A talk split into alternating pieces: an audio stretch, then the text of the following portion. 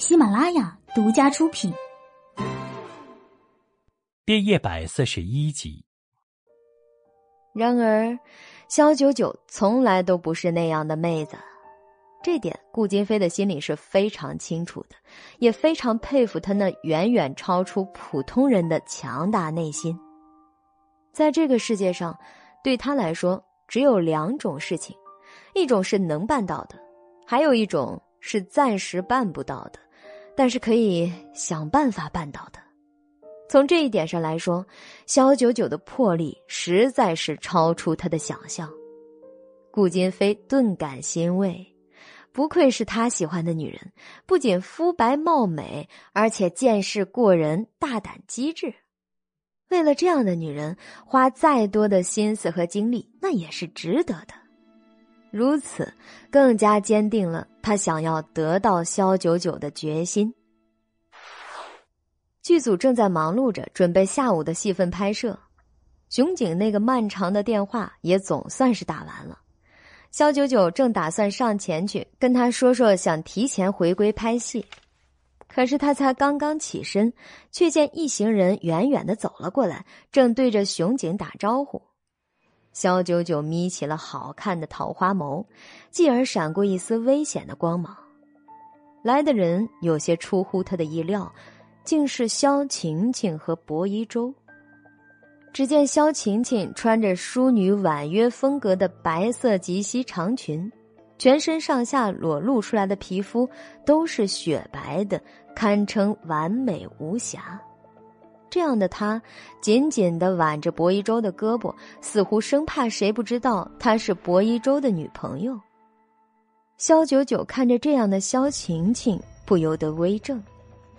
他给她下的那副药基本上是无解的，即便是医圣在世，也只能缓解一下，让她看起来不至于那么的不堪入目。可是眼前的萧晴晴。皮肤病分明是痊愈了，才能像个没事人似的，闪耀动人的出现在大众面前。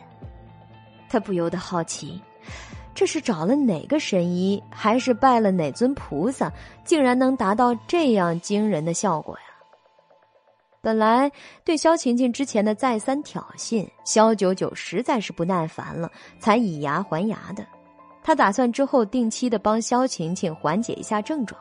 这样，他一辈子也只能依赖于自己，绝对无法在人前蹦跶了。他以为像萧晴晴这样的跳梁小丑，不过只能蹦跶个三级，没想到他却像个百足之虫，死而不僵，反过来送给他这么大的一个惊喜。而薄一舟似乎也已经跟萧晴晴重修旧好，两人如胶似漆。当他们见到熊景的时候，薄一舟为了强调关系，还温柔的拍了拍萧晴晴的手。因为他们特意走到比较人少的地方，其他人基本听不到谈话内容，但萧九九却能用超群的听力把他们的对话听得一字不漏。只见薄一舟像个意气风发的少年，把萧晴晴介绍给了熊姐。熊叔叔，这就是我的女朋友晴晴。呃，她还有几个月就要从天影毕业了，是个正儿八经的科班生啊！想要在您的剧组里面串个角色，您看还有没有什么合适的人选角色可以安排给她呀？熊景对薄一舟一副非常熟悉的样子，笑容可掬，耐心十足。哎呀，小周，你客气了啊！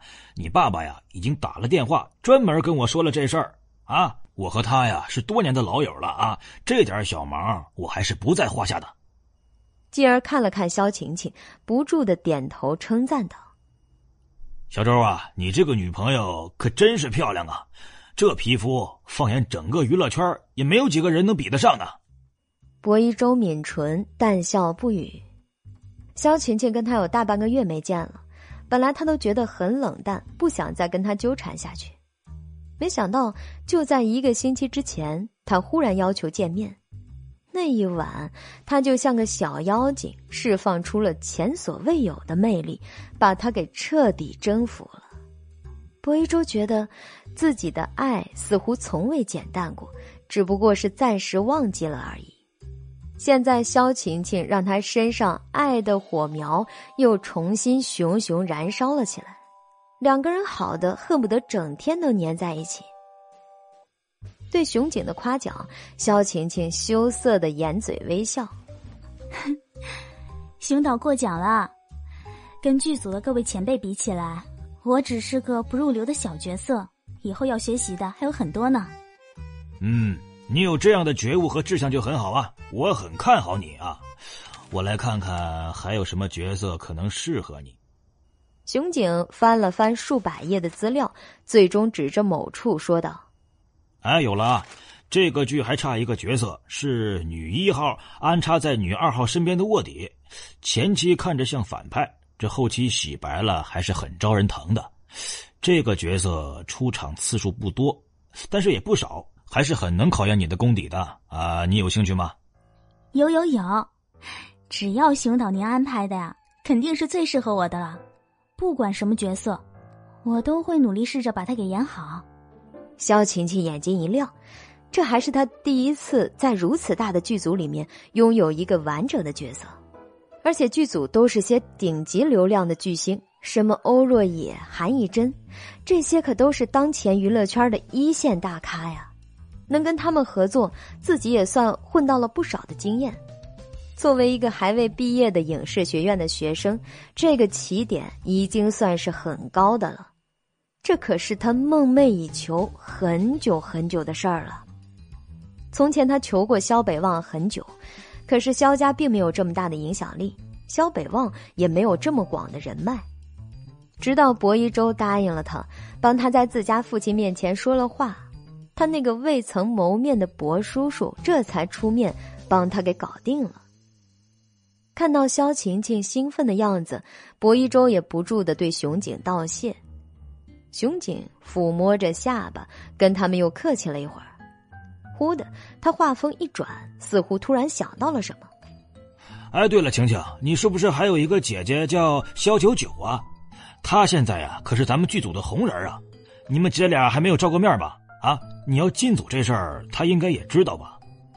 萧晴晴刚才还笑容灿烂的脸上，顿时阴云密布。他怎么可能不知道萧九九就在这个剧组？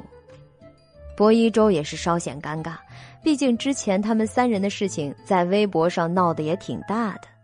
虽说事情过去一段时间，有不少人都忘了，但熊景是真的没听说过肖家姐妹的不和，还是？熊导，我们姐妹俩之前因为一些事儿闹了误会，我向姐姐道歉很多次了。不过她都不肯原谅我，我也很难过。萧晴晴撇着嘴角，眉眼低垂，看上去对这件事情很是介怀，泫然欲泣，俨然一副弱者的姿态。而萧九九在他口中则被描述成为了一个强势、不讲道理的姐姐。熊警眨了几下眼睛，面露难色。啊，原来是这样啊！可是我给你安排的这个角色，很多戏份是要和你姐合作的，她就是女二号呀。大家好，我是侃侃，在本剧中饰演各种正派女角色。全演播，第一百四十二集。萧晴晴和薄一舟面面相觑，之前只听说萧九九在剧组里面演戏。但是，一直以来，因为他的演技感人，各大导演即便用他，也是跑个龙套而已。没想到肖九九竟然在这个剧里面混上了女二号，而肖晴晴好死不死的撞在了枪口上，刚刚好客串的是卧底女二号身边的角色，两人少不得有些对手戏啊。肖晴晴听到熊姐这么一说，顿时就有点后悔了。但是之前毕竟已经装出了一副努力、不计一切代价的姿态，且又当着薄一舟的面儿，他说什么也是不能退缩的。导演没关系的，我可以好好的和姐姐说一说。感谢你给了我们这个机会，让我们姐妹啊可以相互多些了解和合作。肖晴晴表现出来的大气和低姿态，让熊景对他这个新人很有好感。加上薄一舟父亲的关系，当然二话不说就鼓励的说道：“加油啊，好好干！你们姐妹一定可以双双的成为影视圈红星的。”熊景和两人交谈了不长时间，便有剧组工作人员来找他。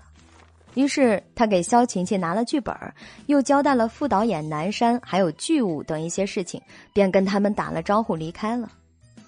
拿着剧本的萧晴晴低头若有所思，可是薄一舟却是没有想那么多的，反而替他觉得高兴。晴晴，听到熊叔叔说了吗？啊，剧组人多，他不好说太直白。其实我爸跟他打电话的时候啊，他都已经保证了会好好的照顾你的。只要你表现的好，说不定还会给你加戏。你一个没有经验的新人演员，可以进入这样的剧组，跟熊导这样的知名导演合作，就已经赢过很多人了。你可是要好好表现的，说不定能一炮而红呢。薄一舟在畅想未来的时候，萧晴晴却轻叹了口气。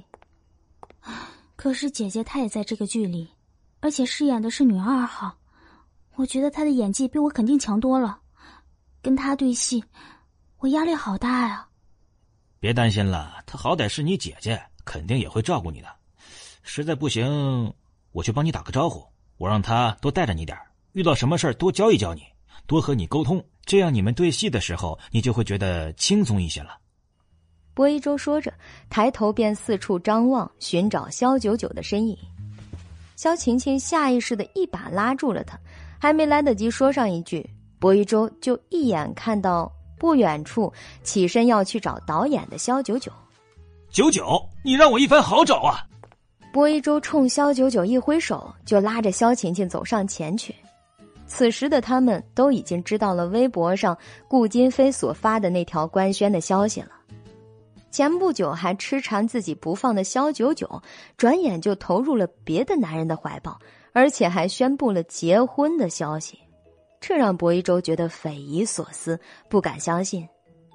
可是萧晴晴在他怀里百般温存过后，他便再度拜倒在他的石榴裙下，加上萧晴晴不停的吹耳边风，说萧九九结婚有了归宿，那是大好事。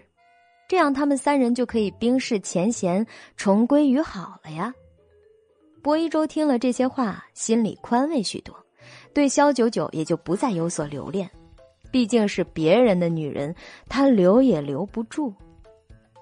看到薄一舟和萧晴晴二人故作大方的走到自己面前，坦然自若的打着招呼，一副什么都没有发生过的样子，萧九九不由得冷笑了一声，呵呵。这俩人还真的是天作之合呀，脸皮子都差不多的厚度。薄先生带着女朋友过来有事儿？萧九九真心觉得二人碍眼，可是眼神又不由自主的往萧晴晴身上瞥去。方才他们跟熊景的那番对话，他都一字不落的全部都听了个真真切切。原来是萧晴晴找了关系，通了门路。想在毕业前好好的表现一下，给自己正式出道做个铺垫。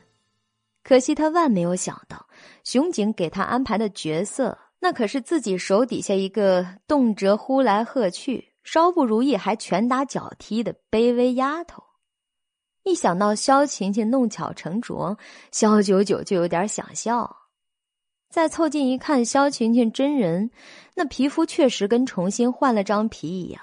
雪白娇嫩，在阳光下闪耀动人，怪不得最近这薄一舟又光速的醉倒在他的温柔乡里。薄一舟兴致勃勃的一把搂过萧晴晴。哎呀，九九，别叫这么生分嘛！晴晴今天是要进组，以后呢，你们就是同事了，又是亲姐妹，那在一起工作自然是要相互照应，是不是啊？我看他根本就不缺人照应啊，而我现在这样。照顾自己都来不及，薄先生还是拜托别人比较靠谱一点。听到萧九九的话，薄一周眼神这才落在了他的一双手上。一开始以为萧九九的手缠着绷带是剧情的需要，现在看来这是真的受伤了。萧晴晴比他更快一步上前，做出心疼的表情，柔声说道：“姐姐，你这是怎么受的伤呀？在剧组拍戏弄的吗？”你可要小心一点，省得妹妹我替你担心呀。薄一舟跟着点头，眼神却是不住的在萧九九脸上划过。一段时间不见，肖九九身上那股卓越不凡的气质越发的明显了。即便只穿着普通的香芋紫色的 T 恤，配一条牛仔裤，都比四周穿着华服的女子要出挑。那精致无可挑剔的五官，完胜整个剧组的莺莺燕燕。薄一舟这么一想，心里又摇摆不定，生出了万般的不舍。其实光从容貌上来说，萧九九要胜过萧晴晴不少，只是萧九九这性子变得越来越难以琢磨。骄傲的像朵高岭之花，不是他能驾驭得住的。还是萧晴晴这样软软糯糯、温柔可人的样子比较对他的胃口。即便是短短一瞬间，薄一舟对萧九九美貌的沉迷都被萧晴晴尽收眼底。她可真是只魅惑人心的狐狸精啊！受了伤还把男人弄得五迷三道的，明明都已经有了老公、结了婚的人了，她凭什么？萧晴晴恨得磨牙，只要萧九九一天不死，她的地位就一天难以稳固。即便明知她嫁人的事实，薄一舟还是对她如此痴迷。萧晴晴心中那已经生根抽芽的毒枝，正以惊人的速度成长为一棵参天大树。不用你心疼，我已经好的差不多了，你想象中的样子是见不到了。萧九九见他的惺惺作态，顿觉反胃，只想早点摆脱这两个人。当着薄萧二人的面儿，他直接把手上的绷带解开，果然上面的伤口已经好的差不多，不仔细看几乎看不出来受过伤了。薄一舟惊异的叫出声：“不敢相信呐！你怎么好的这么快呀？”啊，我想起来了，姐姐，你之前皮肤病的时候，不是有中医给你开特效药吗？现在手受伤了。一定也有特效药吧，怪不得呢。喜马拉雅独家出品，第一百四十三集。萧晴晴也故作惊讶的说道，又拍了拍自己的脑袋，在薄一舟面前表现出记性不好、很笨的样子，继而又悻悻的低下头，一副没人疼爱的委屈状，而我。运气就没有那么好了，得了皮肤病，又四处求医问药的，拖了好久好久才治好。他还特别强调了“皮肤病的特效药”几个字，这让薄一舟顿觉奇怪。既然萧九九也得过皮肤病，还靠中药治好了，那怎么萧晴晴得了那么严重的皮肤病，也不见她这个姐姐拿出药来帮一下？难道萧九九真的如萧晴晴所说的那般，已经不似从前那样善良好利用了？眼看一口巨大的为姐不善的锅从天而降，就要扣在自己头上，萧九九却不慌不忙，稍一理思绪，忍笑不语，看着他们发难似的瞪向自己，这才一字一句的答道：“我什么时候得的皮肤病？你是如何得知的？”我从来没跟人提过，即便是贴身助理都不知道的事儿，你竟然会知道，萧晴晴，你本事可真大。他的回答让萧晴晴的记忆一下子闪回到那天在孙议员皮肤诊所门前所经历的事情。萧九九在他第 N 次求医失败之后，故意让他们发现了自己从别处抓得一副中药回来。萧晴晴这才知道，萧九九也是靠吃中药求医才治好了之前他给他下的毒。本来这件事儿都双方各自清楚、秘而不宣的，可是他为了诬陷萧九九，给他扣上黑锅，竟然一时失策，忘记了这件事儿本来没有第二个人知道。若是薄一舟细追究起来，萧九九势必会说出。当天，他和柳如梅如何不分青红皂白强抢了他的药方一事，那他的形象不就跟着急转直下？在薄一舟面前，还如何能挽回得来？面对萧九九和薄一舟质疑的目光，萧晴晴只能浅笑了几下，含糊其辞的答道：“啊，那是我记错了吧？本来这个季节就容易得过敏性皮肤病的人就很多了。”我身边有几个朋友就是，见他遮遮掩掩的想把这一页接过去，肖九九心中暗自冷笑。如果记性不够好，可千万别在人前装逼，更不要妄想着随便打别人的脸，说不定响亮的一耳光过后，自己的脸反而肿了。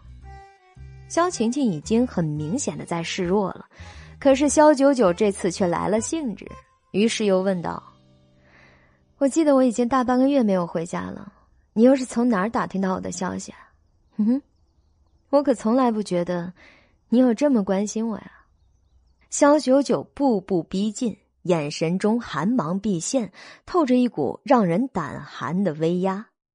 他凌厉的目光竟让肖晴晴吓得支支吾吾，一时想不出应付的话来。这贱人什么时候练就了这样的眼神？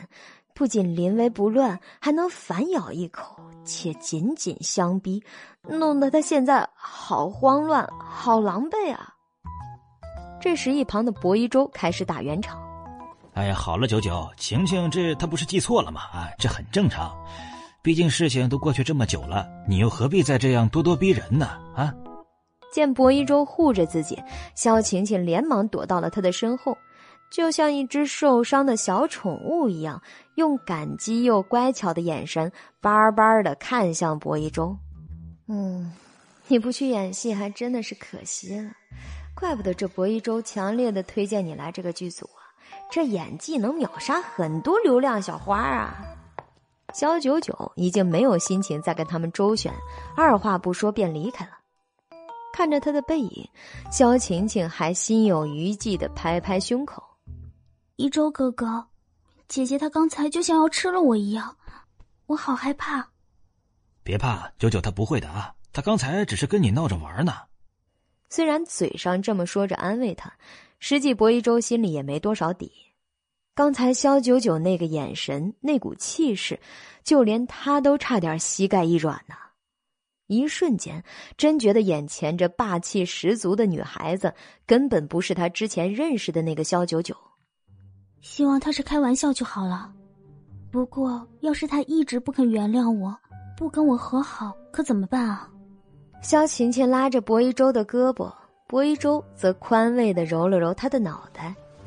傻瓜，你还有我呢，放心，就算是你姐姐不照顾你，我也会总来看你的。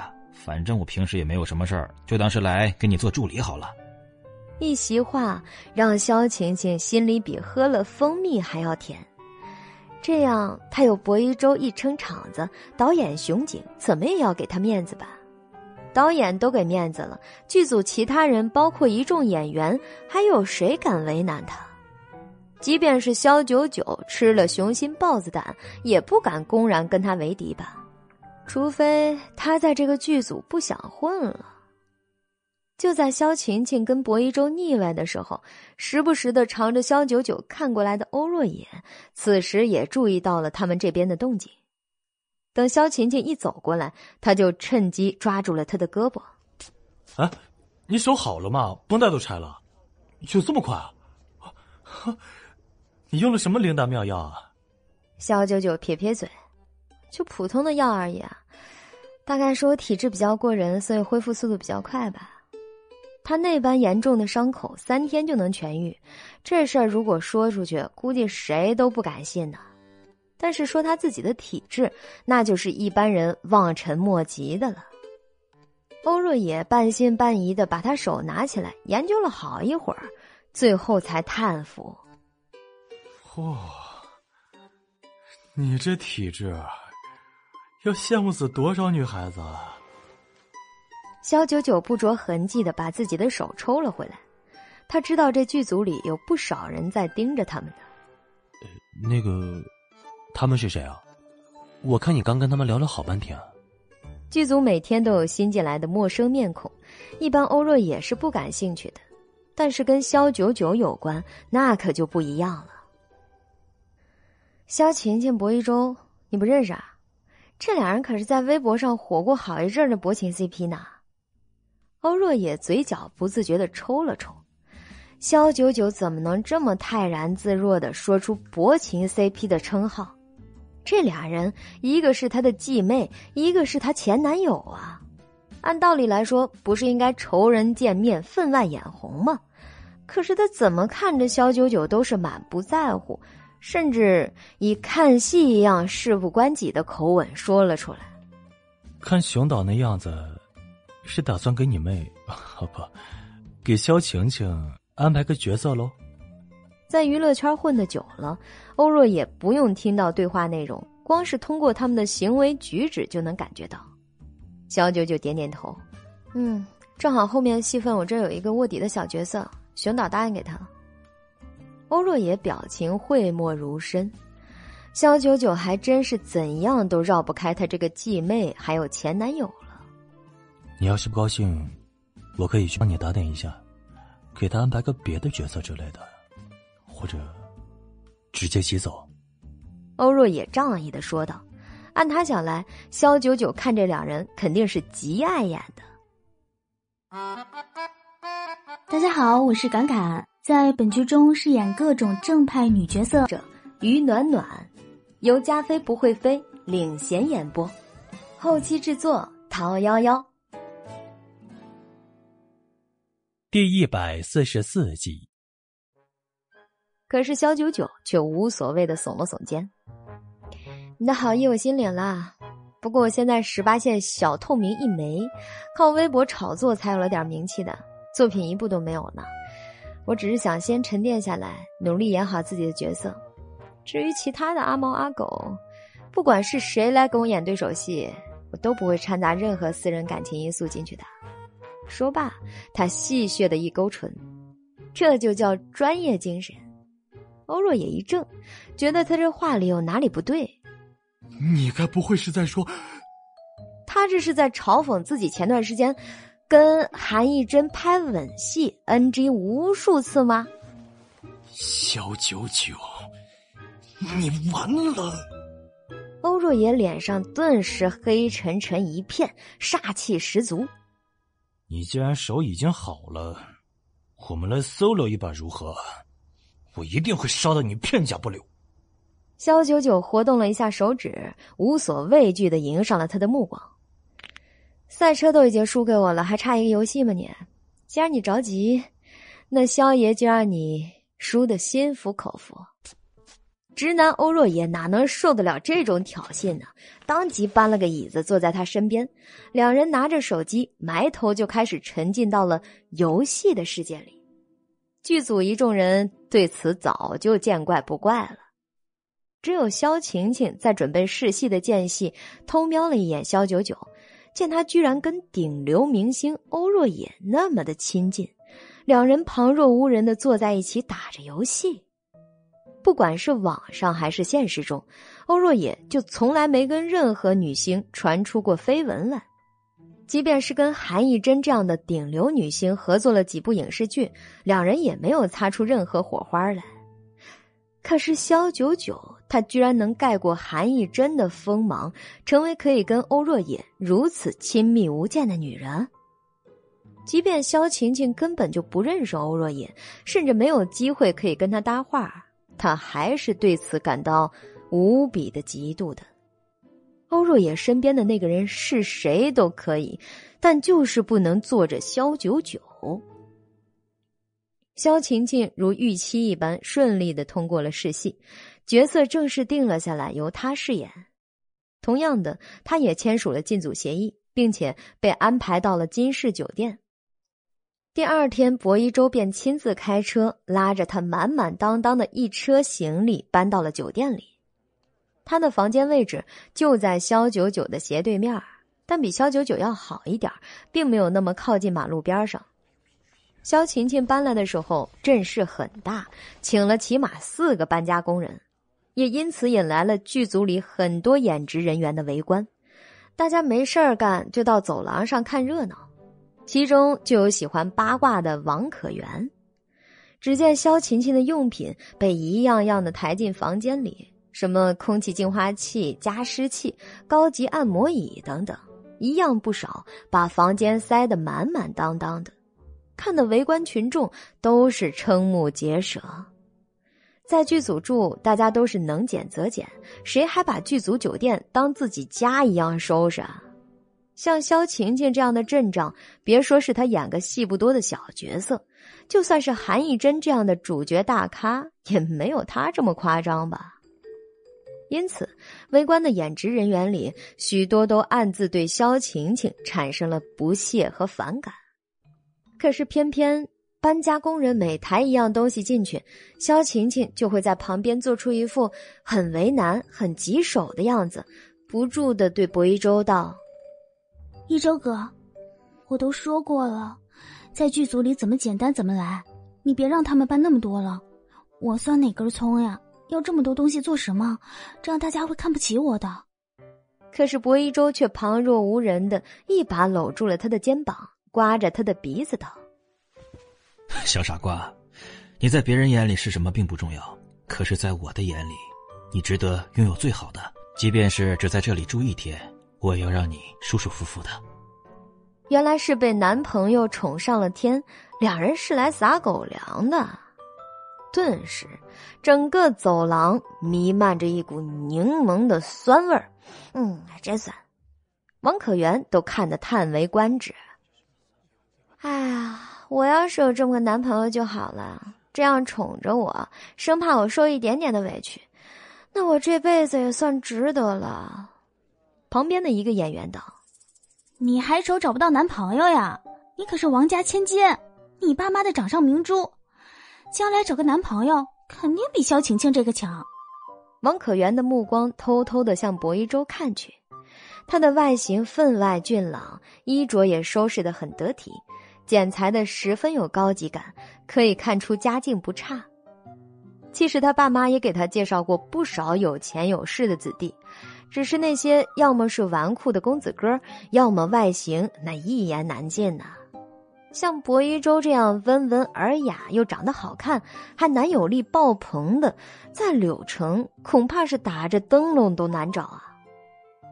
此时，萧九九刚从外面吃饭回来，一见走廊这么热闹，瞧了几眼便知道发生了什么。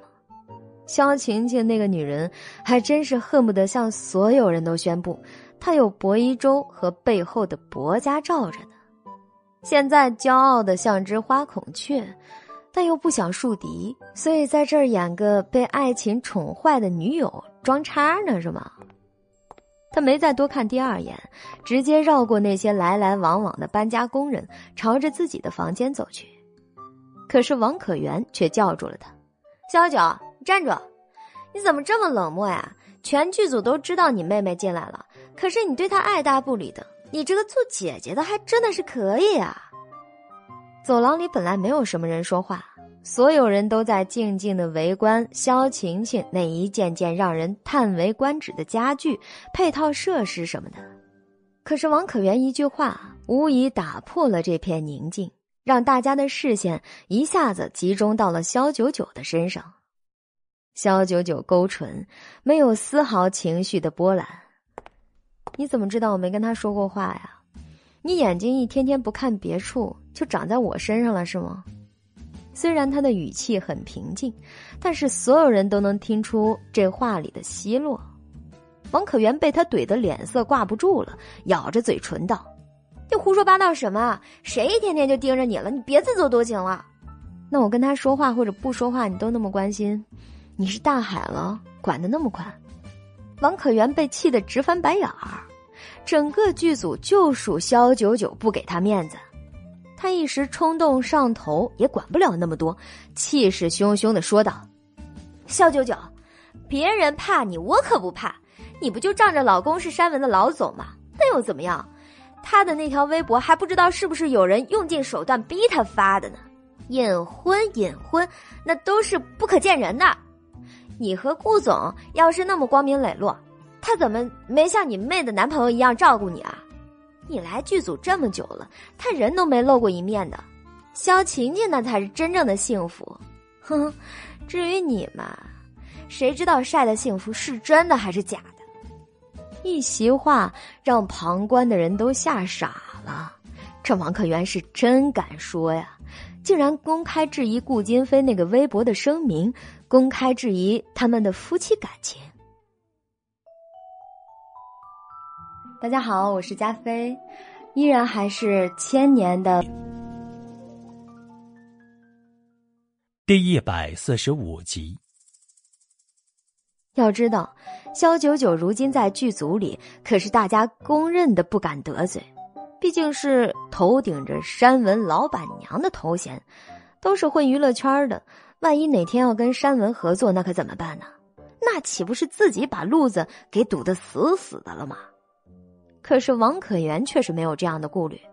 虽然山文是全球美妆行业数一数二的大公司。但是他爸妈家里的产业加起来也没有弱多少啊！肖九九若是得罪了他，他就跟他爸妈说，他家的百货公司撤销了山文的柜台，看谁怕谁。王可元正面硬刚，底气十足，所有人既感到惊吓，又被调动了八卦之心，都一心想要看肖九九的好戏。这种情况下，他要怎么回复？是跟王可元继续怼下去。正在这时，欧若野的门打开了，他朝着王可元、肖九九这边走了过来。王可元的心跳顿时漏了一拍。哎呀，男神穿着睡衣走路的样子，都这么帅。可是下一秒，他却有了不太妙的预感，怎么感觉欧若野好像是冲着他来的？而且脸色不是很好看，随时都像要发飙的样子。该不会是他刚才刚了一把肖九九，被他给听到了，现在要来替肖九九出头吧？王可元顿时吞了吞口水，眼睛直勾勾的盯着他，像是在等着命运的宣判。欧若野毕竟是欧若野，全剧组里一呼百应的那种。他要是帮肖九九的话，看热闹的其他人自然也是不敢有二话的。不过，欧若野走过来以后，却并没有跟他搭话，而是冲着肖晴晴那边道：“你们还有多久？什么时候不搬，非要到晚上搬家，影响了整个剧组休息，让这么多人跑出来看热闹，一个两个明天都不用拍戏了，是不是就舒服了？”这话明着是在说肖晴晴。可是剧组其他人听了，都吓得脖子一缩。影帝发飙了。顿时，走廊里看热闹的吃瓜群众纷纷吓得回到自己房间，迅速把门关上。走廊一下子变得清静了不少，只剩下王可元还处在原地，肖九九也还没有回房。肖晴晴见欧若野来者不善的样子，下意识的看了一眼薄一舟。而薄一舟则上前冲他伸出手，抱歉的笑了笑：“ 不好意思啊，白天的时候没空，所以呀，只能晚上搬了，影响到欧大影帝，实在是抱歉。”看着薄一舟伸出来的手，还有一副好脾气的笑容，不管多大的火气，大部分的人也都消散了。可是欧若野却完全不吃他这一套，也并没有要跟他握手的意思。知道不好意思。就让你的人快点，我明早还要很早起拍戏。肖晴晴躲在薄一舟后面，表情怯生生的，像个孩子一样。这还是他第一次正面如此近距离的接近欧若野，万万没想到，他对自己的第一句话，竟然就是责怪他不该晚上搬家。对比他跟肖九九在一起时的那个亲密样子，这实在是落差巨大呀。分明眼前这个欧若野才符合传说中的那个高冷、脾气差的影帝形象。波一周也面色一凝，在社会上行走这么久，世人都要给他薄家少爷三分面子，可是这姓欧的却偏偏不。但当着肖晴晴的面儿他还是大度的一笑了之，并且让搬家工人加快了速度。肖九九这才准备回房间去。王可元刚刚还得意非常的，现在被影帝山洪一样爆发的脾气弄得有些怕怕的。虽然他没有直说自己，但是他不就是围观群众里那个带头挑事儿的吗？于是他没敢再拦着肖九九，肖九九也就径直的走向自己房间，刷卡开门，滴一下，房门打开以后。眼前的景象却让他不由得倒退了一步。这尼玛真是他的房间？这里面的家具全部都换成了意大利进口的，地毯也是伊朗手工地毯，而窗户呢更是夸张啊，整张玻璃都被换成了全隔音玻璃，甚至睡觉的床都被整张换掉，成了一张顶级牛皮打造的奢华大圆床，而且房间的布局显然是用心而考究，这么多家具放进去，一点儿都没显得局促。姐，这是你的房间吗？你这也太奢华了吧！导演怎么这么偏心呀？身后传来萧晴晴那意外又不甘的声音。很显然，开门的时候他也顺着看了一眼，可是就这一眼，让他们都是瞠目结舌。凭什么同样的酒店，萧九九是这种堪称总统套房的顶级配置？萧晴晴哀怨的看了薄一舟一眼，眼神中包含了无数的信息。伯父不是跟熊景导演关系很好吗？给他安排的房间按道理不差呀，怎么萧九九的看上去那么豪华，根本就不需要任何的添加和改变呢？而他一样一样的搬了那么多，还是相形见绌。薄一舟也是一脸的懵逼。按道理，以他父亲和熊导那样过硬的关系，肯定会给萧晴晴安排比较好的房间。但是没想到，萧九九住的这套完完全全的秒杀了萧晴晴，让她的优越感荡然无存呢。难道说，因为萧九九是山文的老板娘，熊岛碍于她的背景，才不得不给她最好的房间？怎么会这样呢？真是匪夷所思啊！薄一舟完全摸不着头脑，只能直勾勾的看着萧九九的房间里面，发出感慨。而本来已经要回去的欧若野，看到他们两人如此愕然，就连萧九九本人也是愣在门口，顿时好奇心就被勾了起来。走过去的时候，他心里还告诉自己，若是别的女人，他才没兴趣；但是是萧九九的事儿啊，他没法坐视不理。可当他走到萧九九房间看过以后，也是彻底被里面的奢华配置给惊到了。就在前几天，他还进过他的房间，这确定是同一间房吗？你房间怎么变成这样？难道剧组偷偷找人了？想给你一个惊喜？熊导现在对肖九九的态度，那可以说是一百八十度的大转变。他一跃成为了高高在上的山文老板娘，和一众女演员有了质的差别。得罪他，那就等于得罪了一个未来可能的金主。可是欧若野怎么都想不通，熊景至于做舔狗做到这个份儿上吗？他好歹也是娱乐圈里成名好多年的导演了呀。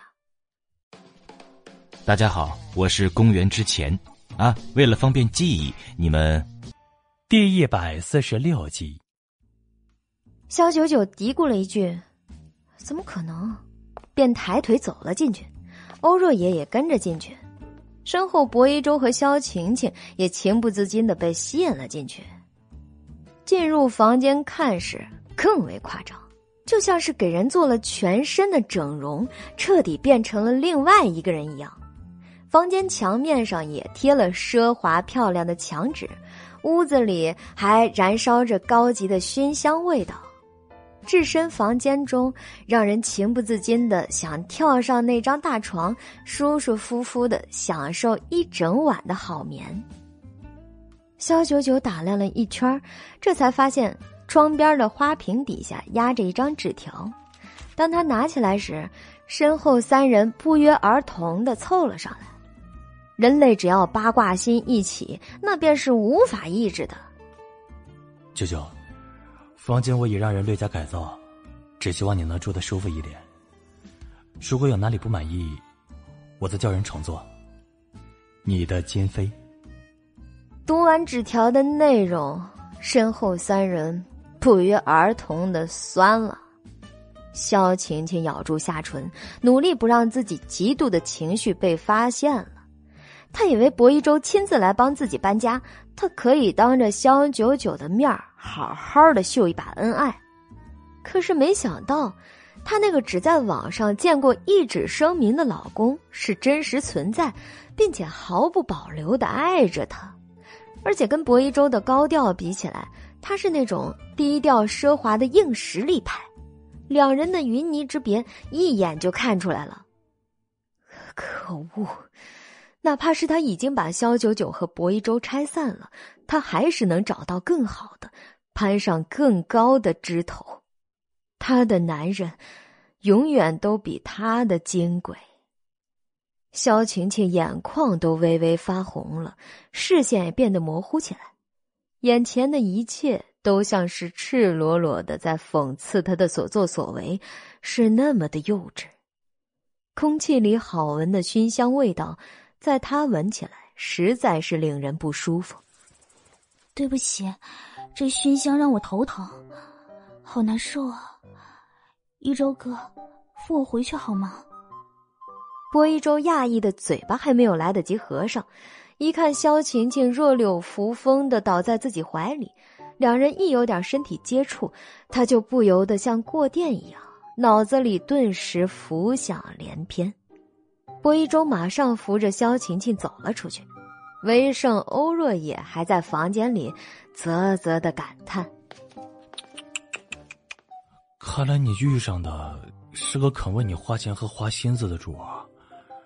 哎呦，这样的男人缠上你，的确是很难摆脱。”之前他听萧九九说两人是非自愿结婚，还以为姓顾的多少有些强迫萧九九。不过如今看来，若她是女人的话，被顾金飞的这样一波细心体贴的操作以后，也多少会被感动的。说不感动都是假的，或者这心根本就是石头做的。肖九九扶额，没想到上次顾金飞来过以后，随便看了几下，说了几句，他就记在了心上。为了配合他的低调，他叫了许多人来，在白天整个剧组都在拍戏的间隙里，以光速搞定了整个房间，让他焕然一新。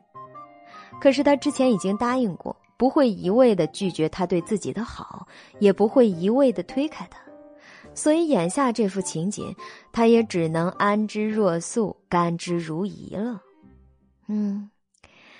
就当是将来治好他的母亲后，他给自己的报酬吧。肖九九这样想着，心里感觉舒坦了许多。欧若野走后，他便从抽屉里拿出了上次在钟灵山采来的花以及床底下那只大密码箱里装着的许许多多的瓶瓶罐罐，还有各种用来蒸馏的仪器等。他要尽快的用银销花把药配好，这药。是顾金飞的母亲在这个世界上唯一的希望了。顾金飞处理完堆积如山的公务，已经是夜里两点多了。他呢看时间已经很迟，而文杰斯还守在一旁，顾金飞便叫他先回去睡觉。可是文杰斯却坚持先把他送回家。先生，您还是先回家里睡觉吧，明早的会议可以先推一推。要是在办公室里面过夜的话，对于您的睡眠会有很大影响的。文杰斯万分不解，他家先生作为一个工作狂魔，最近是变本加厉的有增无减，这样下去他会很担心他的身体是否吃得消。可顾金飞却是摇头，清冷的声音在夜里听来格外的扣人心弦。为了九九，我已经占用了很多工作时间。若是夜里睡觉还那么挑剔，便没有更多时间来处理公务了。上次董事会几个董事联合起来向他发难，虽然因为肖九九还的那笔钱，加上其他地方的运作，暂时填补上了财政上的亏空，董事们才因此消停了一阵儿。但是顾金飞有预感，这次发难绝不是一个偶然，下一次只要他们稍一有机会，还是会趁机向他发起挑战。作为顾氏集团史上最年轻的掌舵者，顾金飞行事向来杀伐果决，但这次事出在顾氏集团内部，且还都是些老董事们，这还真的是有点让他始料未及。他现在要做的，第一就是把公务处理的滴水不漏，绝不能让他们抓住任何的把柄。温杰斯沉默许久，他知道他家先生自从母亲病重以后，就再也没有睡过一宿的整觉了，甚至已经出现了某种睡眠障碍。在家里，他房间的窗帘都是全遮光的，窗户都是强隔音，还有各种仪器可以辅助帮助进入睡眠。可是，在办公室里，这些东西都是没有的。对顾金飞来说，这样睡一晚，实际不过就是闭着眼睛等天亮而已。可是顾金飞的语气不容他智慧，他也只能遵命行事，退出办公室，先回家去了。当偌大的办公室里只剩下顾金飞一人的时候，他才难得的放松了下来。躺在沙发上，他不由得拿出手机，又看了一眼老爷子给他发的信息。董事会的事情我都知道了，一个月后我回国，让肖九九到老宅来见我。顾金飞看着这条信息，怎么都难合得上眼睛。老爷子要见肖九九，是因为他已经知道了他在网上曝光两人婚姻关系的事实。曾经面对老爷子强势的逼婚，他万般推脱，最后还是妥协了，只是提出了一个条件，那就是必须隐婚，不能让外界任何人知道。现在自己莫名主动的公布婚讯，还为此被黑客钻了空子，给集团造成了五十个亿的损失。这笔账，老爷子肯定是要跟他清算的。只是，找他一人还可以，但若是把这气顺带的撒到了肖九九的头上，那是他无论如何都接受不了的。这也是他接到老爷子信息甚至电话，至今都还没有跟肖九九或者任洪川那边进行任何前演播。第一百四十七集。就在顾金飞看着手机上的时间越来越晚，甚至已经快要到三点，实在忍不住困意，想要闭眼休息一会儿之时，他的微信上突然收到了来自肖九九的一条消息：“你给的惊喜我已经看到了，谢谢你啊，金飞，但是下次别了。”虽然是简单客套的话，顾金飞却因为“金飞”两字的称呼，觉得心里暖融融的。方才还感觉肿胀的头脑也瞬间清醒了不少，他几乎秒回道：“你怎么还没睡啊？今天的戏拍到很晚吗？”肖九九也很快的回道：“有点事耽搁了，这就准备睡。你呢？”顾金飞很想跟他多聊两句，毕竟他们之间很难有这种闲聊的机会，而真正的感情总是在无意之中培养和激发出来的。只是想到肖九九那次熬夜以后，第二天一副困涩的走路都要睡着的样子，他的心刹那间就揪了起来。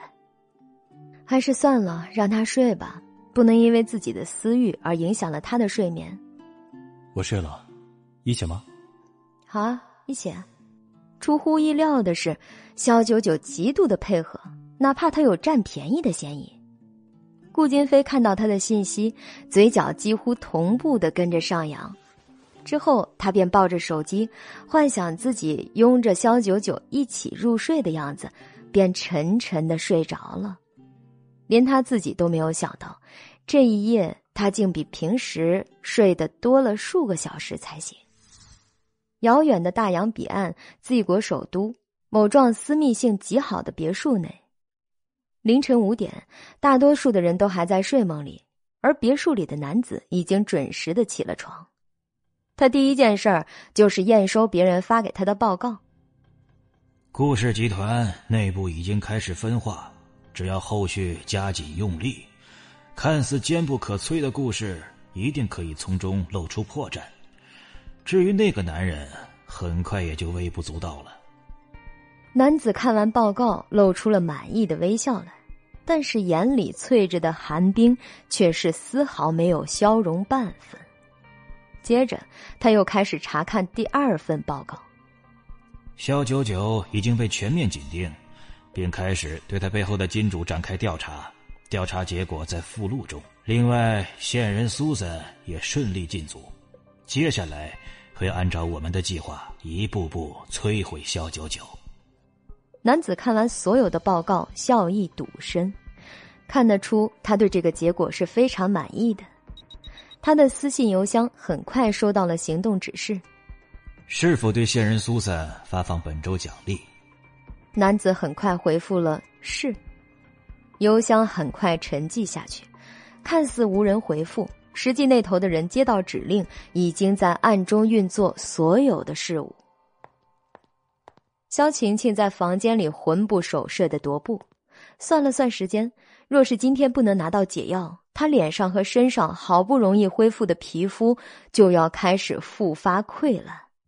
这种看着手机度日如年，还不能跟任何人诉说的感觉，只有他自己清楚是多么的难熬。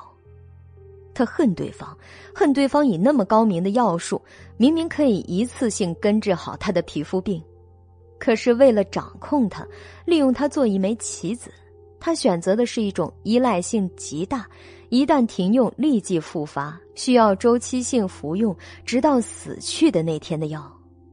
可是为了恢复自己光彩明艳的形象，不再躲在家里房间像个无法见人的丑女，萧晴晴别无选择。他恨利用他的那个神秘人，更恨萧九九。若不是他自己不会误用药方，导致疾病加剧无法挽回。然而，就在他愤恨的抓挠着已经有点瘙痒的皮肤时，门铃忽然响了起来，同时手机进来一条根本看不到对方号码的短信：“你要的东西在门口，速取，否则后果自负。”萧晴晴大惊，立刻跳了起来，打开门。果然看到门口有一个像快递一样的小纸盒子，等他拆开盒子，看到里面果然是一个黑色的小瓶，里面装着一粒红色的药丸。他毫不犹豫的拿起药丸，直接吞下了肚子。等到他喝了点水，感觉肚子开始咕噜咕噜叫，肠子似乎开始蠕动的时候，他便知道，这和上次的的确是同一种药丸。那个神秘人没有骗他。只要他完成任务，每周都会送药来。等萧晴晴的皮肤瘙痒完全消失，她站在镜子前开始打量自己。她的皮肤愈加的白皙动人，明艳且有光泽，甚至超出了萧九九的。怪不得那个神秘人还说，只要周期性的服用这个药丸，不仅不会复发皮肤病，还能获得意想不到的效果。只是冷静下来之后，让萧晴晴细思极恐的是，那个神秘人对自己的一切实在是了如指掌。之前发送指令让他必须进入到萧九九所在的剧组，今天竟然就连他入住的酒店房间号都弄得一清二楚。这让萧晴晴怀疑，神秘人是不是在他身上装了监控，或者就在他的身边。这时，刚才那个不显示号码的神秘信息又发了一条过来，是神秘人给他的下一个任务。萧晴晴看过之后便是一愣，接着脸上漾起了阴毒的笑容。萧九九手痊愈，很快回归到了剧组的拍摄当中。巧合的是，萧晴晴的第一场戏份正好就是跟萧九九的对手戏。当准备工作完毕，他们换上了各自的戏服，妆发也都造型做好。这时，剧组里闲下来的人，包括韩艺珍，都凑上前来观看他们这一场戏，因为这可是萧家姐妹的对手戏。之前他们都在微博上轰轰烈烈的开撕过了，大家对他们的对手戏格外的感兴趣，也就是想看看现实中关系不咋地的姐妹搭戏的时候，各自会表现的如何。当然，薄一舟也早早的赶到了剧组，在旁密切的注视着他们的一举一动。前女友 vs 现女友的戏份，说来也真的是讽刺。这场戏是萧晴晴饰演的蜜儿第一次出场，作为女主宫雪香安插在女配赵若幽身边的卧底，蜜儿从一开始接近赵若幽就是费尽心机的想要取得她的信任。为了拍好这场戏，熊景专门给肖九九和肖晴晴讲了许久的戏。等到正式开拍以后，穿着下等宫女衣服的肖晴晴便是哭嚎着抱住了肖九九的大腿。有人要杀我，求求您救救我！只要救我，我什么都愿意为您去做。萧晴晴秀眉紧蹙，眼圈发红，看得出是投入了感情的。虽然还没有那么到位，但是作为一个新人演员，已经把这个龙套角色的强烈求生欲给饰演出来了。救你，有什么好处？萧九九穿着华贵的衣服，此时所饰演的赵若幽已经是贵妃，她不屑一顾的昂首，连看都没有看萧琴琴一眼。那股飞扬跋扈、目中无人的气势，叫欧若野看了都深深的感到，他这分明是本色演出啊！救我！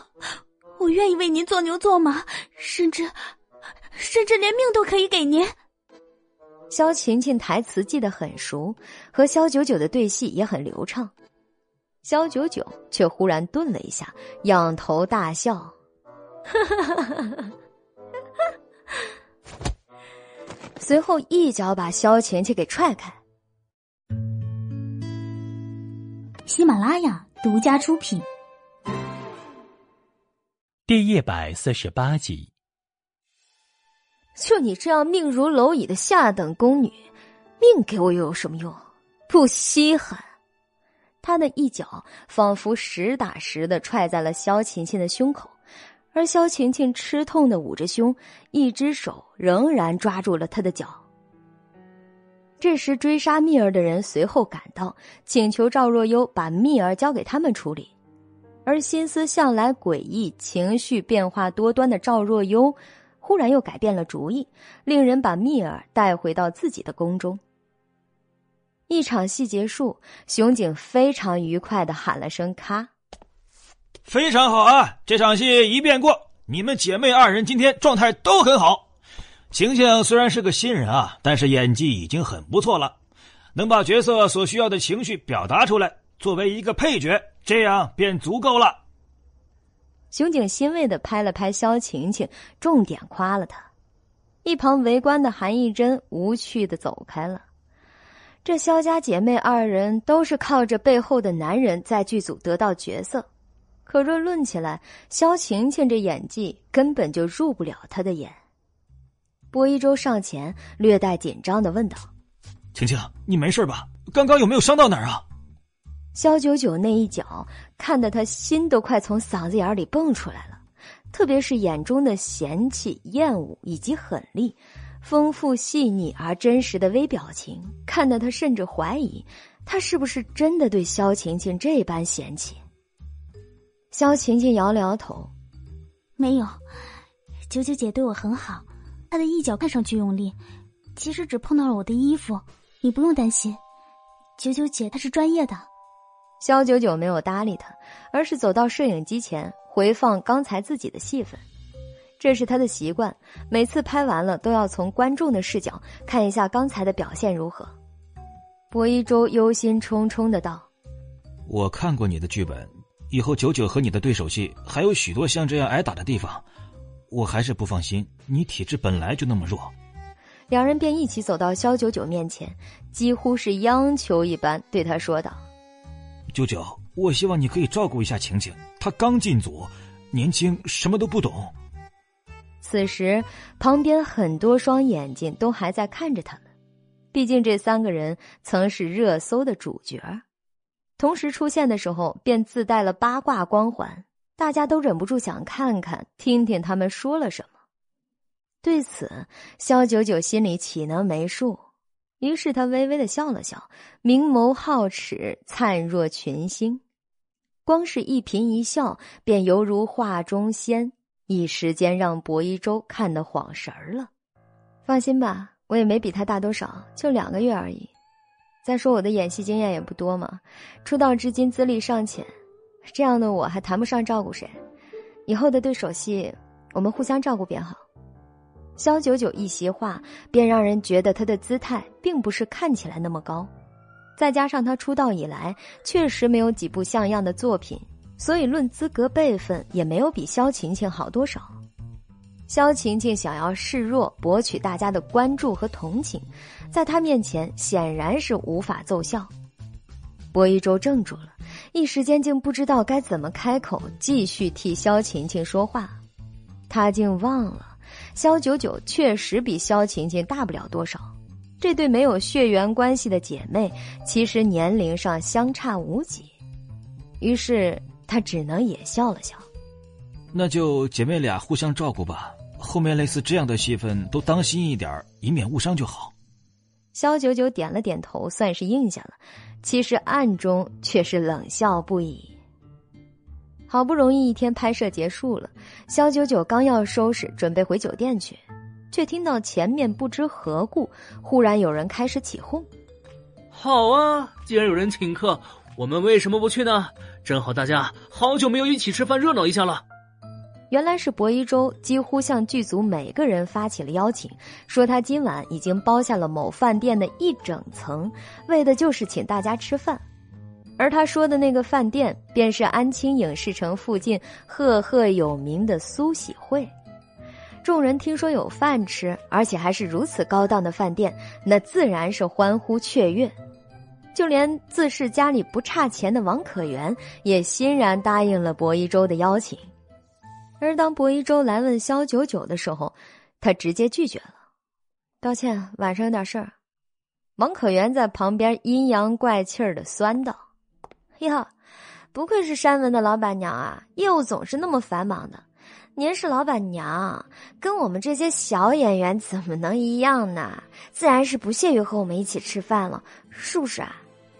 对于王可元的敢讲，四周的演职人员们都暗自佩服。可是他们却不敢对此有任何的附和，毕竟他们可不像王可元那样没有任何的顾忌，玩输了顶多就是回家去继承家业。萧九九却是不紧不慢的，一边收拾着东西，一边头也不抬的对盛气凌人的王可元道：“今晚你一定要给自己点一条鱼。鱼，什么鬼？我看你这么会挑刺儿，不吃鱼不是可惜了吗？”小九九抬眸，笑得毫不掩饰的揶揄，而周围开始有人憋不住笑，轻轻的喷出声来。王可元脸色挂不住了，他每次想要给萧九九难堪，最后难堪的都是他自己，而且还偏偏当着薄一舟的面这让他怎么甘心呢？今晚他之所以会答应薄一舟，也是因为是他亲自邀请的。作为一直想谈恋爱却找不到意中人，猛然发现了薄一舟这样的富家子弟中的清流，那自然是笑得合不拢腿。即便是他已经有了女朋友，而且两人看起来情比金坚，也丝毫不妨碍他颅内高潮。此时被肖九九反打脸的王可元，顿时不想再同他搭话了。他只想迈步赶紧离开，跟众人一起去饭店 happy。你除了一张嘴还有什么？王可元丢下这句话，拔腿就要走。还有颜值。肖九九挺了挺胸，故意撩了一把头发。今晚月色极佳，月上柳梢头，清清浅浅辉映着他旖旎的身姿和堪称完美的面容。众人无不感叹，萧九九不过是说了个大实话而已。王可元当然也知道，要比颜值，整个剧组的女演员基本没有几个能比得过他。哼，你的颜值跟一贞姐还差远了。他不甘心的撂下话就要跑，而不远处的韩艺珍则斜睨了他一眼，大家都没敢说话。韩艺珍可是娱乐圈公认的第一美女，虽然萧九九跟她比起来好像不落下风，但是这种比较本身就是作死啊！不管站在哪边，后果都是恐怖的。薄一舟尤其惊讶，他越发的觉得自己快要不认识萧九九了。他以前哪有这么爆棚的自信，好像所到之处都披荆斩棘，绝不会输给任何人。这时，萧琴琴拖着他的胳膊摇了摇，道：“一周哥，既然九九姐她晚上有事，就不要勉强她了吧。我们先走好了，别让大家等太久了。”嗯。薄一周这才收回了视线，点头应了个好。大家好，我是敢敢，在本剧中饰演各种正派女角色者于暖暖，由加菲不会飞领衔演播，后期制作陶幺幺。第一百四十九集。等剧组众人，包括导演和副导演在内，都作鸟兽散，刚才还热热闹闹的影视城顿时空旷了不少。肖九九从换衣间出来，看到地上还散落着一盏灯笼，不知是什么人落在地上的，道具组也粗心的忘了收起来。肖九九想要顺手拿回去，可是道具车的钥匙又不在自己手上。他抬头看到旁边搭的宫廷布景上，正巧有地方可以挂，就是有点高了。肖九九眯着桃花眼，拿着灯笼比了比距离。这时有个清澈的声音在身后道：“要我帮你？”他一转身，却看到欧若野在旁边，还穿着剧里的黑色蟒袍，一只手搭在树上，显得很是闲适。维州请吃饭，你怎么没去啊？肖九九还以为他是剧组里唯一一个没有接受邀请的，欧若野却是冷笑一声：“哼我从来不喜欢那样的场合，人越多就越是让我心烦。”肖九九抿唇，对上他的眸子，把手里的灯笼递给他：“是不是只有游戏和赛车才能让你不心烦呢？”欧若也凭借着身高的优势，顺利的把灯笼挂到了那布景上。小九九抬头看看，其实他也可以自己挂上去的，只是需要施展一段轻功。他怕欧若也见了又要说他是怪物，技多不压身嘛。但是太多了，可能就会吓人了。欧若野挂好灯笼以后，低头望着他：“你还真是了解我。像她这样的女子，在他心目中可算是完美无缺了。”相貌无可挑剔，性格也非常对自己的胃口。至于兴趣，两人几乎是神同步。若他是古代的公子，一定毫不犹豫、三媒六聘把他娶回家去，且今生今世都不会再娶别的女人。只可惜，这不是在古代。你说有事不去，其实是找个借口吧？欧若野忽的看了一眼远处。影视城门口陆陆续续有许多辆车开了出去，都是朝着一个方向，那便是苏喜慧。肖九九耸了耸肩：“不好意思啊，还真不是借口，我今晚真的有事儿。”“什么事儿能比双排更重要？或者我带你去飙车？”欧若野今晚的兴致很高，毕竟剧组可从来没有这么亲近过。只要能和肖九九在一起，不管是双排打游戏，或者找个无人的地方飙车，他都会欣然前往。今晚要去一趟顾家，肖九九勾唇，表情十足的淡定，理所应当。欧若野却是有些急了，一把捉住了他的胳膊：“哎，你去顾家做什么？你们又不是真正的夫妻，万一他对你……”想到昨晚肖九九房间被姓顾的焕然一新，他不由得微微皱了皱眉头。很显然，这个顾金飞对肖九九是有意思的。若是他一心想要把这段婚姻给坐实了，那肖九九起翻前去，岂不是羊入虎口？除非我自愿，否则任何人都不能把我怎么样的。肖九九不着痕迹的轻轻的抽回了自己的手。欧若野这才发现，刚才情急之下竟就那样拉住了他，几乎是不带任何犹豫，也没有任何的思考。他的眸光闪烁了几下，他知道萧九九一向豪横张扬，不加掩饰，可是这也正是让他担心的地方。万一哪天有人看他不顺眼了怎么办？你不能不去吗？现在还有什么事是不能通过手机解决的？肖九九想起了包里刚配好的药，银霄花一旦入药，必须要在二十四小时之内给患者服用下去，否则这副药就等于白配了。他摇摇头，叹了口气道：“有些事儿，那可是用手机办不了的。欧若也滞了下，仍然担心他的安危。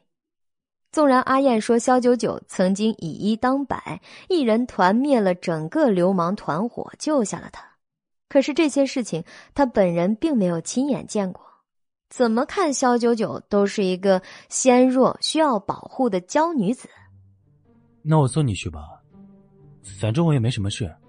你出来之前，我都在外面等你。哦，原来他是想要给自己做护花使者。可惜，他还不知道，一旦萧爷晚上出门了，瑟瑟发抖的那都是男人。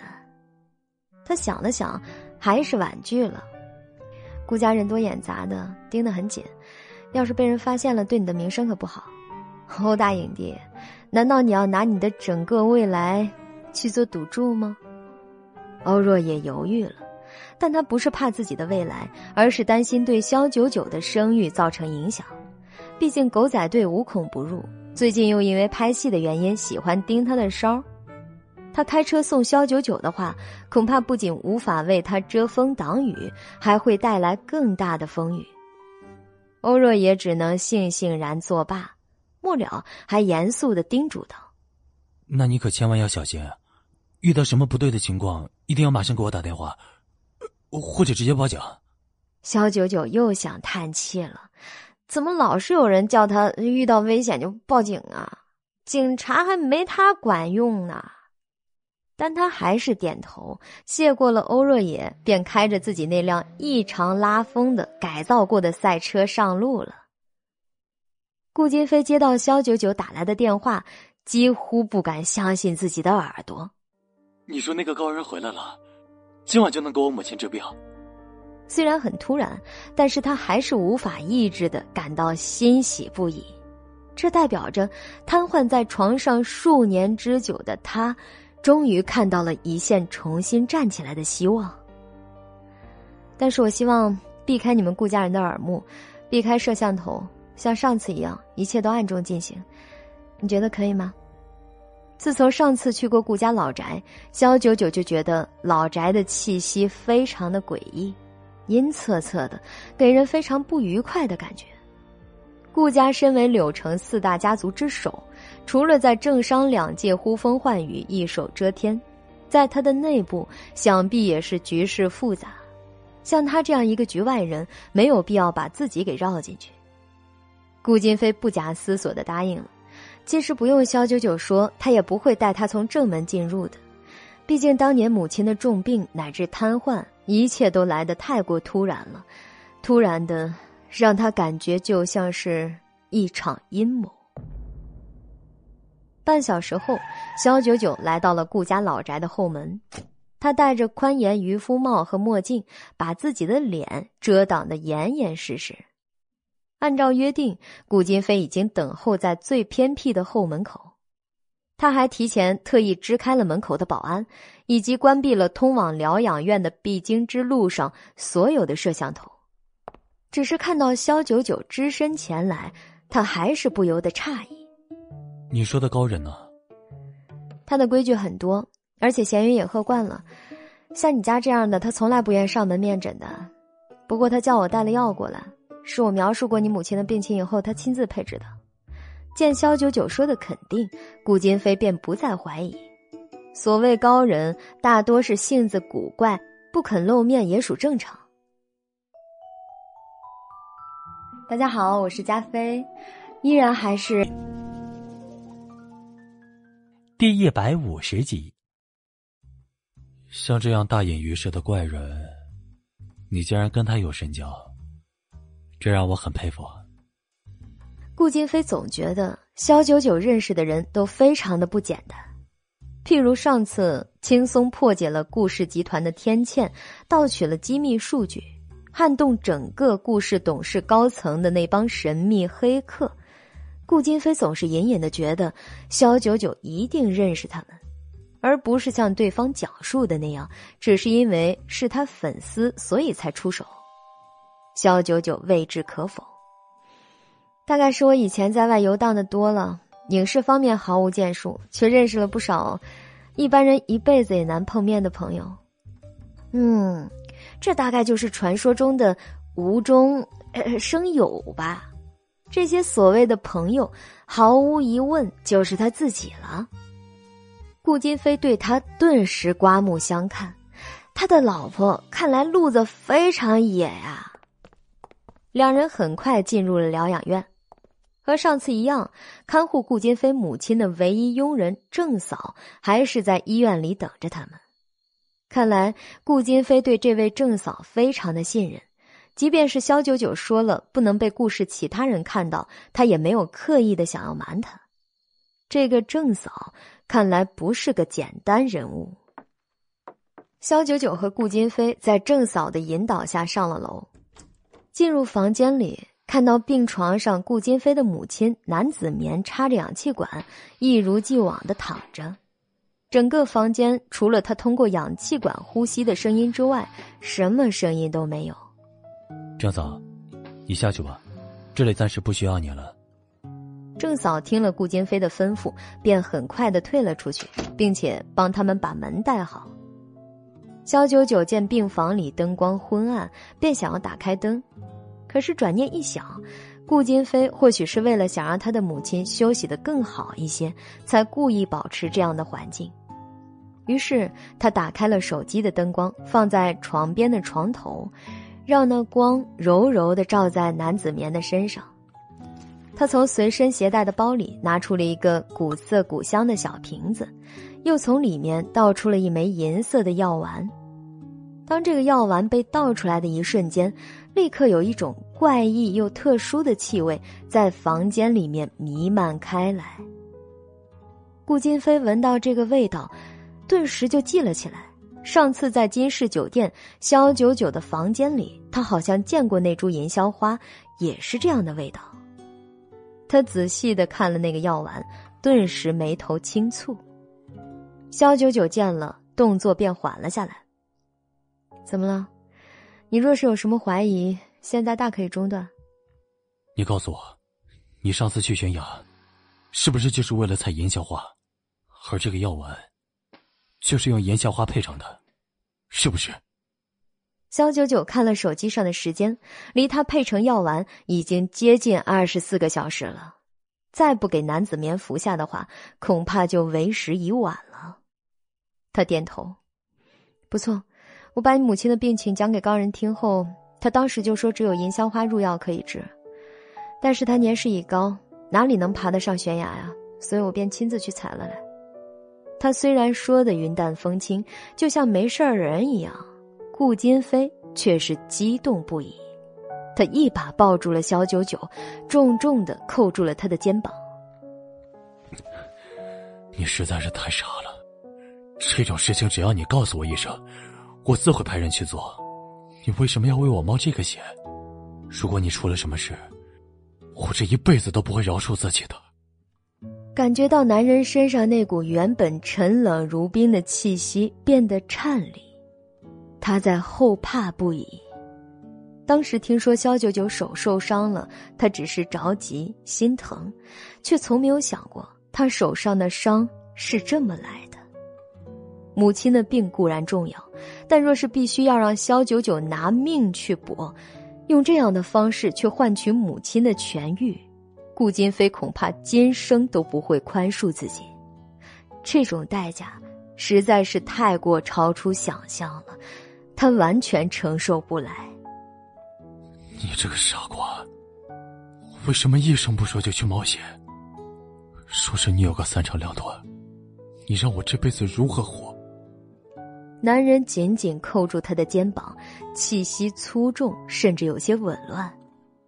他发自内心的，第一次真正感受到了什么是恐惧的滋味，那就是，当他要永远失去心爱女子的时候，萧九九，真正的成为了他的软肋。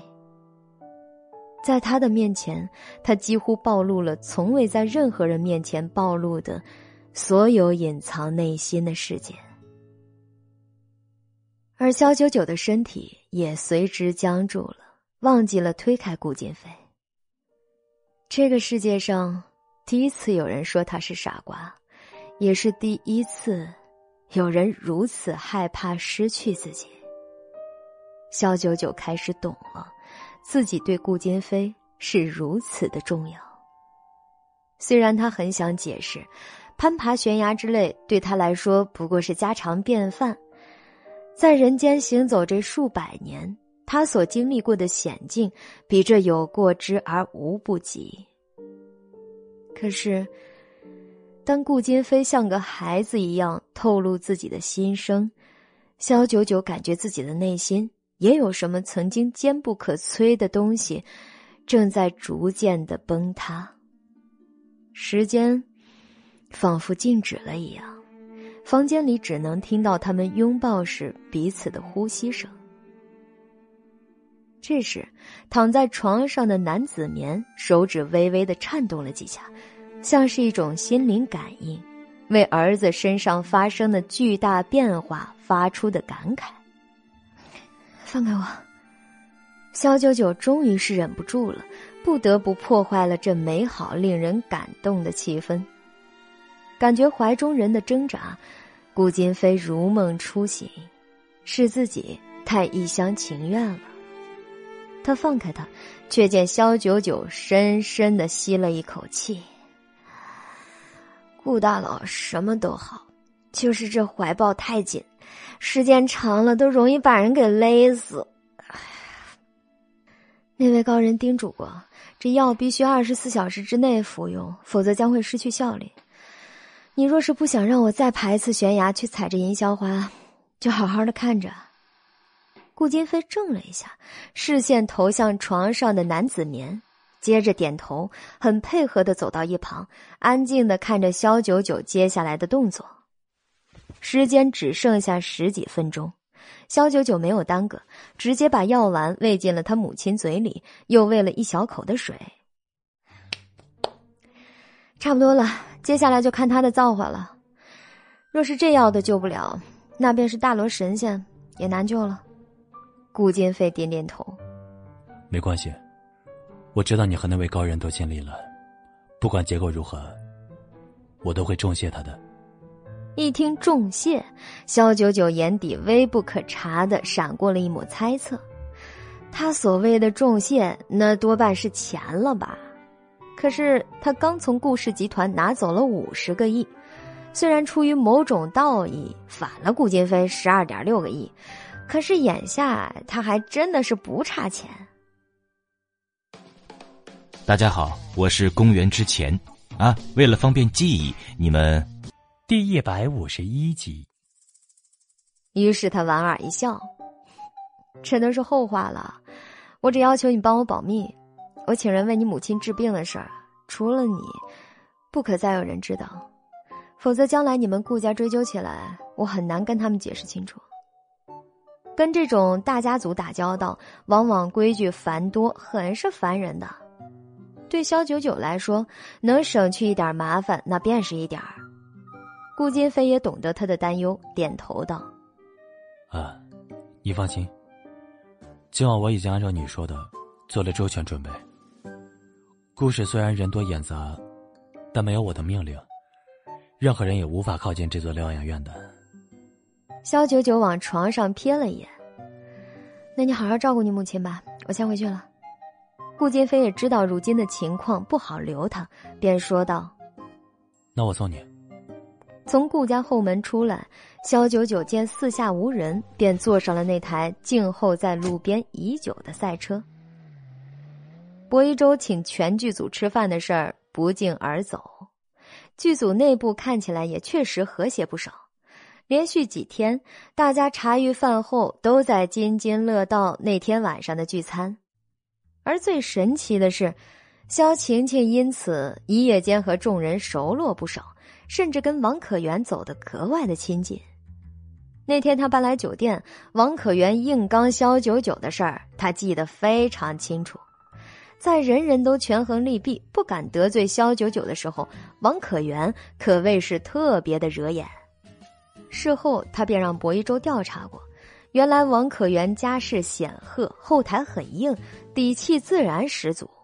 加上他根本就不在乎红不红或者星途如何，纯粹玩票一样，更让萧晴晴眼前一亮。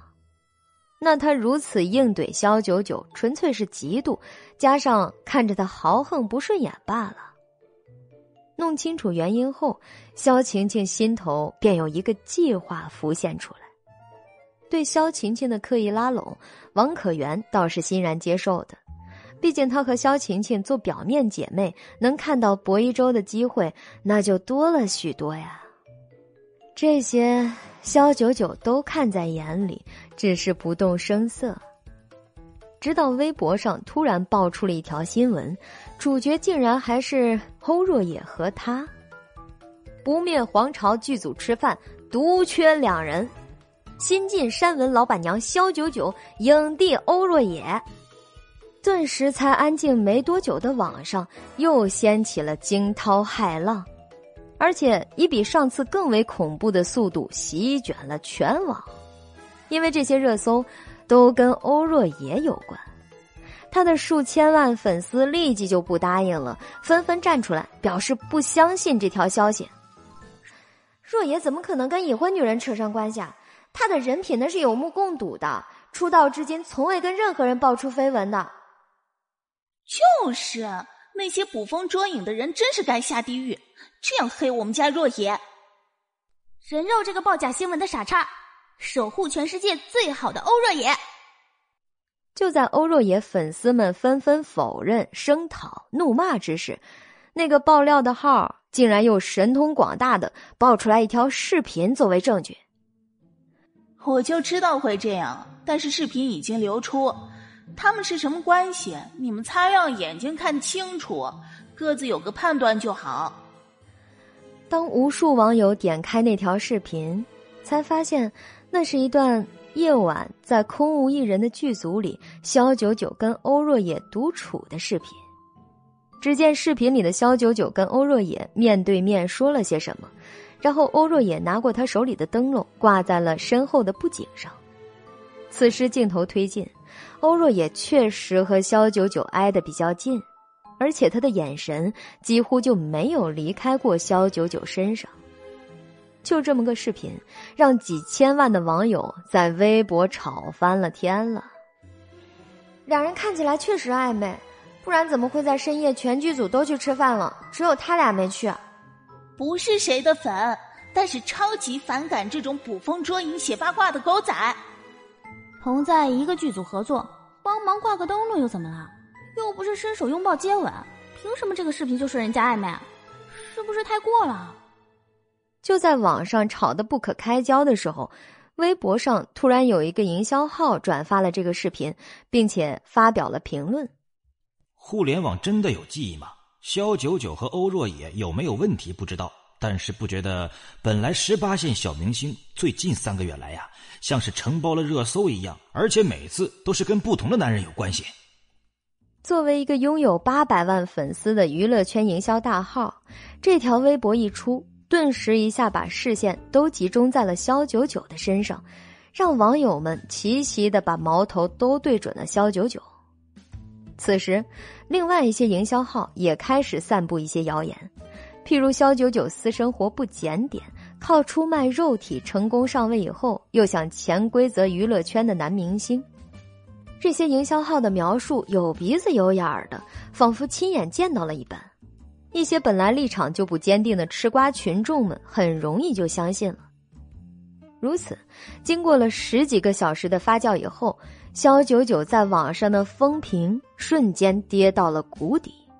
比之前第一次上热搜被栽赃跟胖子开房那次影响更加恶劣，因为是在网上，所以大家说起话来也都是肆无忌惮的，管你是不是山文公司的老板娘呢，反正对普通百姓来说一点影响都没有。剧组忙于拍摄之余，大家也都在私底下悄悄议论这件事儿，众人看向肖九九和欧若野的眼神也变得奇怪了起来。虽然不敢那么明目张胆，但是各种奇怪的谣言都已经流了出来。王可元拿出手机一刷微博，一下子就笑开了花儿。肖九九，你也有今天，你是山文老板娘又怎么样啊？剧组里的人怕你，可是网上的吃瓜群众还有欧若野的粉丝并不怕你。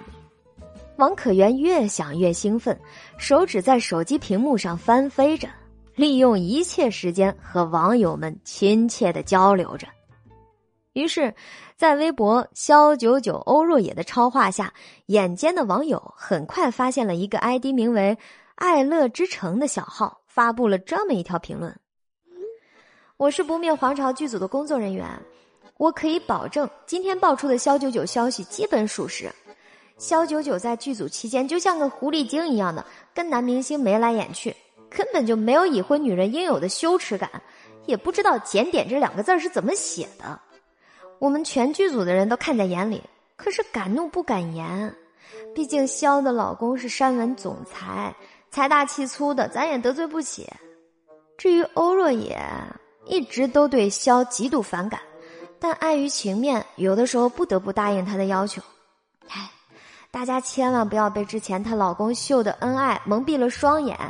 萧九九的真面目，其实连她老公自己都不知道，实在是太恶心了，这个女人。可是，身在这个剧组，我实在是身不由己，不得不腻了。他的评论十分钟之内一下子得到了二十多万个赞，还有上万条的留言回复以及转发。因为是剧组工作人员爆出的消息，很多人宁可信其有，认为他说的肯定才是真。前演播，第一百五十二集。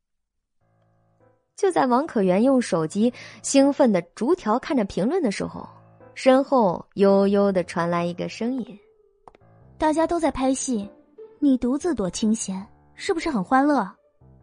王可元吓得魂不附体，手机都差点被他给摔了。他赶紧把手机屏幕关了，回头一看，竟然是萧晴晴。他顿时抚了抚胸口，松了口气：“哼，你可吓死我了！”我还以为是你姐呢，我姐怎么了？你是不是做了什么对不起她的事儿？不然怎么一副做贼心虚的样子？肖晴晴的眼睛前所未有的闪亮，王可元越发把手机抓得紧了些。虽然最近他们的关系走得比较近，可说到底是没有根基的塑料姐妹。若是萧晴晴别有用心的抓住他的把柄抖落出去，怕是他今后在剧组里也没法混了。于是王可元瞪着眼睛，表情坚决的来了个死不承认。我什么时候说我做了对不起他的事儿了？是他自己现在自身难保，大家不过是说些事实真相而已，和我有什么关系啊？萧晴晴一双黑亮亮的眼睛不经意的扫了下四周，然后靠近王可元道。其实我知道那个爱乐之城就是你。什么？你怎么知道的？王可元大惊失色，脱口而出，然后马上捂住了嘴巴，神色无比的惊慌。他刚刚都做了什么？萧晴晴不过是随意说句话试探了他一下，他这样夸张的反应，这不等于不打自招了吗？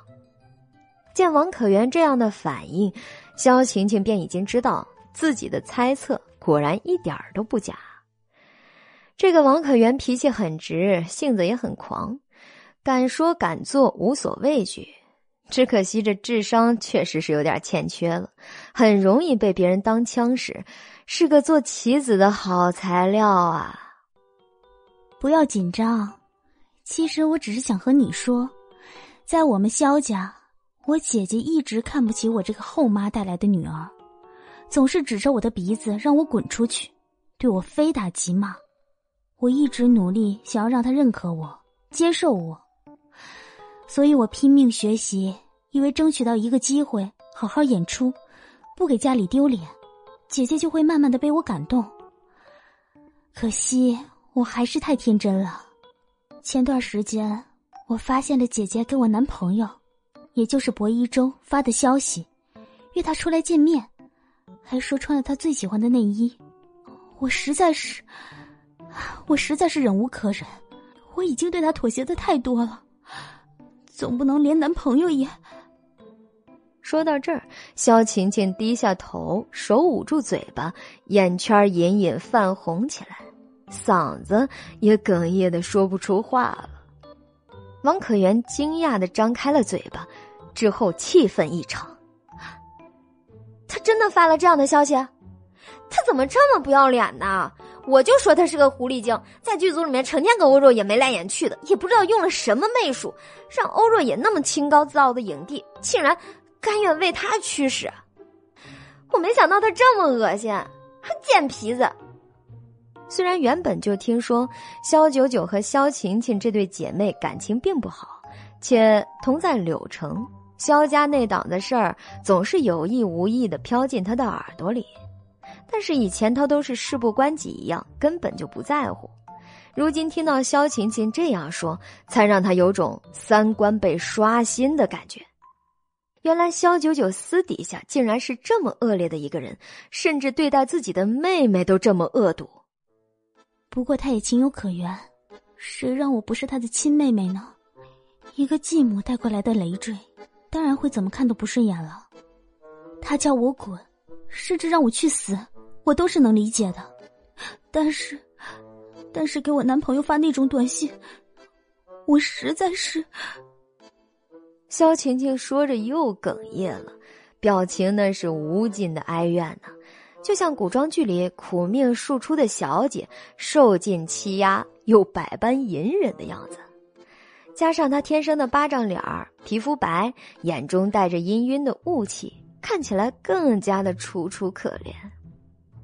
王可元突然莫名的生出几分同情来，本来他就看萧九九不顺眼，得知他私底下为人如此恶毒，那就更加有了针对他的理由了。萧九九可真是不要脸，你别怕啊，大不了就曝光他，让大家看看脱下画皮的他真面目是啥样的。反正现在他正在被全网黑呢，不如趁这个机会把他赶出娱乐圈，让他再也爬不起来。王可元忽然激动起来，像是找到了盟友，他一把拉过萧晴晴的手：“哎，从今天起，我和你便是姐妹了。虽然我们也没啥血缘关系，但我可以发誓，对你会比萧九九好得多。你相信我吗？”萧晴晴拿纸巾小心的擦去了眼角的泪痕，看起来可怜弱小又无助。我相信你。那我从今天起，就叫你可媛姐好了。嗯，妹妹，以前是姐姐不好，没能早点帮你。从今天起，我们站在同一战线上，一起对付萧九九这个贱人。王可媛眼神中带着嫉恶如仇的怒火，而萧晴晴点头，眼眸低垂的瞬间，嘴角有一瞬间的微抬，哼。这个王可元的智商还真是感人啊！稍微激了他那么一下下儿，就让他上钩了。从黄灿灿以后，他好久没见过这种无知无畏的工具人了。肖九九本人对全网黑的现状呢，倒是无所谓的样子，可是他的经纪人妙姐以及星耀传媒公司那可是急坏了。天知道。自从肖九九身份曝光以后，他们在他身上投入了多少精力啊！光是广告代言和影视剧以及综艺邀请就已经接到手软了。本来以为肖九九咸鱼翻身可以赚个盆满钵满，谁知道他的体质那就像过山车一样的，早上还让你在快乐的巅峰，晚上就能把你拉到悲伤的谷底。可是无论妙姐那边打多少个电话。让肖九九迅速发表声明否认热搜的消息，他就是不理不睬，而且放出的依然只有一句话：“且等着看吧，事情终会解决的。”妙姐急得像热锅上的蚂蚁，这都多少个小时过去了呀，事情还一点转机都没有。如果能解决，那就早解决，好不好啊？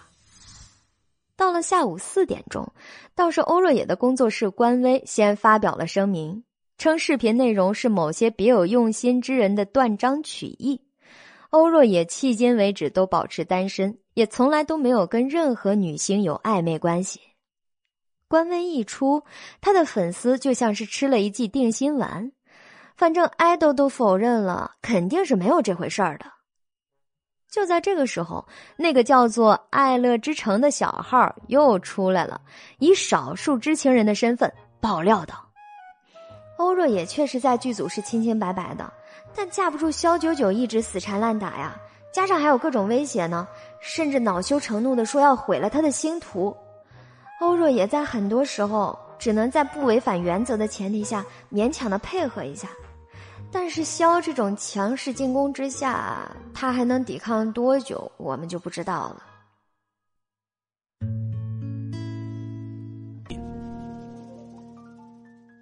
第一百五十三集。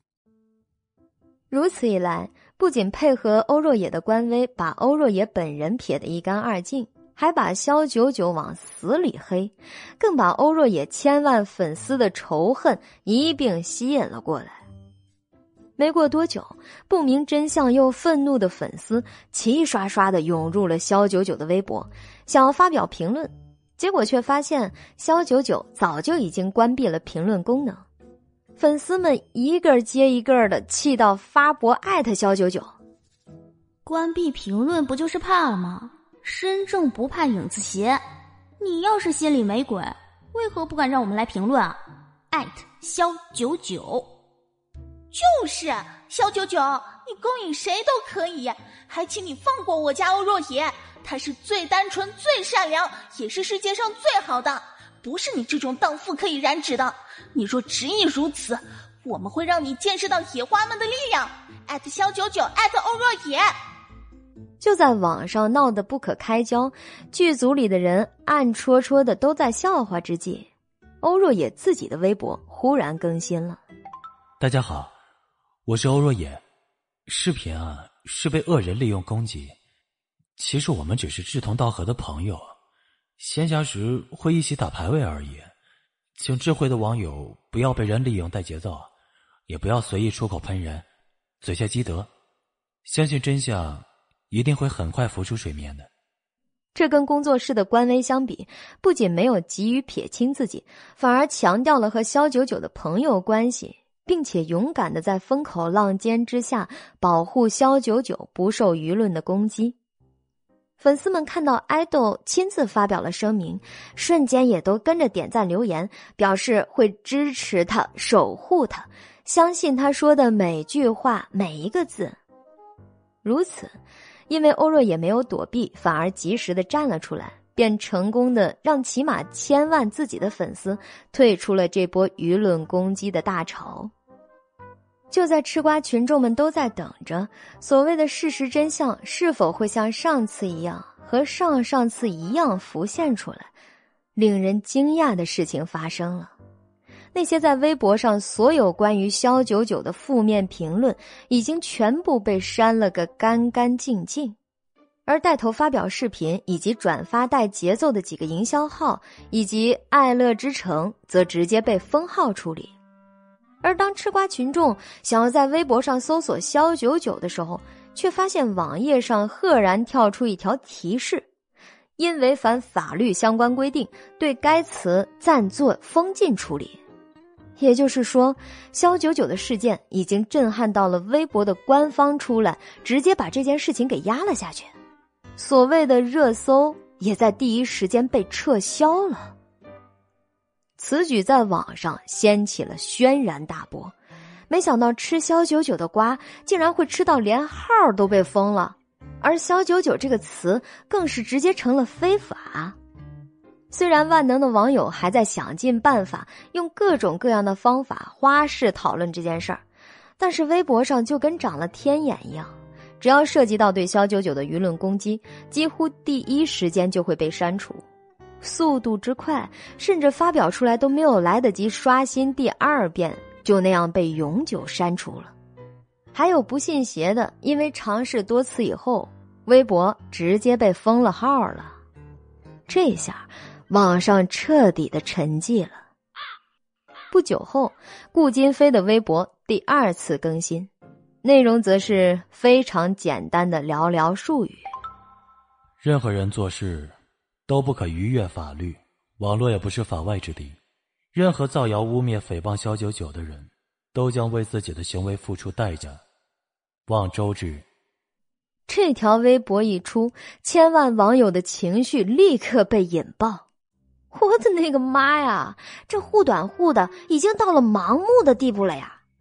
不管网友怎么说，人家顾大佬就是视若无睹，心里就只有那么一个念头：凡是敢动我老婆的，都得完。对网上满天飞的谣言，人家不是信不信的问题，是根本连听都懒得听，索性把全网关于他老婆的讨论全部给封掉了。如此不讲理的宠妻方式，简直戳中了每个女人的心底。若是能有顾大佬这样的老公在，天底下还有什么可怕的呀？完全可以霸道横行，随处撒野了，好吗？而在安青影视城的片场，大伙拍片之余，也还在热切的讨论着肖九九。不过，重点已经完全转移到了他那个宠妻宠到不分青红皂白的老公身上。顾总实在是太帅了吧！肖九九太好命了，真羡慕他呀！有这样的老公护着，就是死了也值得了。听说顾总长得还很帅呢，有机会好想亲眼目睹一下他本人呢。片场里的女演员们没事的时候就爱捧着脸幻想一下顾大佬。前段时间，薄一舟对萧晴晴的那种宠溺，已经在整个剧组撒了成吨的狗粮了。大家羡慕的余热还未退去，忽然就遭到了更猛烈的狗粮暴击。而且对比之下，只要稍有眼力见的人都知道，薄一舟再怎么对萧晴晴好，也不会为他做到这一步的。毕竟他们连婚都还没定呢。萧晴晴充其量只是薄家的准儿媳，薄家未必会为了她这么大费周章的。一时间，什么关于萧九九的黑料，在顾大佬的一番霸道操作下，都变成了齁甜齁甜的狗粮了。大家心里想到的只有他们夫妻恩爱，令人艳羡。片场角落里，王可元看着自己那个微博号“爱乐之城”接到系统封禁的信息，怎么也登录不上去了，气得差点没把手机给摔了，还不是吃了。小九九，你有老公了不起是吗？你跟我王可元比财力，好，我马上叫我爸帮我解封，你给我等着瞧。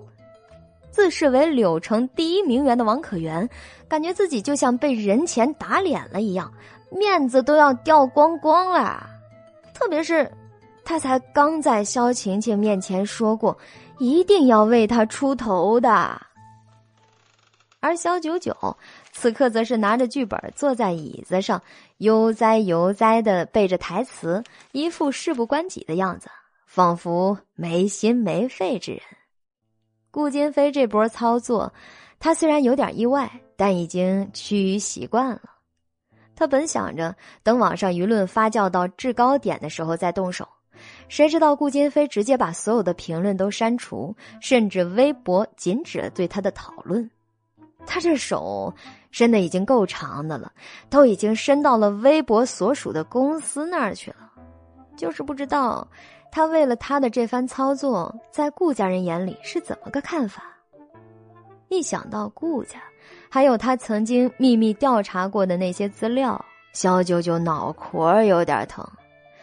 如果自己真的被卷进顾家内部的是非当中去，以后惹到的麻烦可就多了。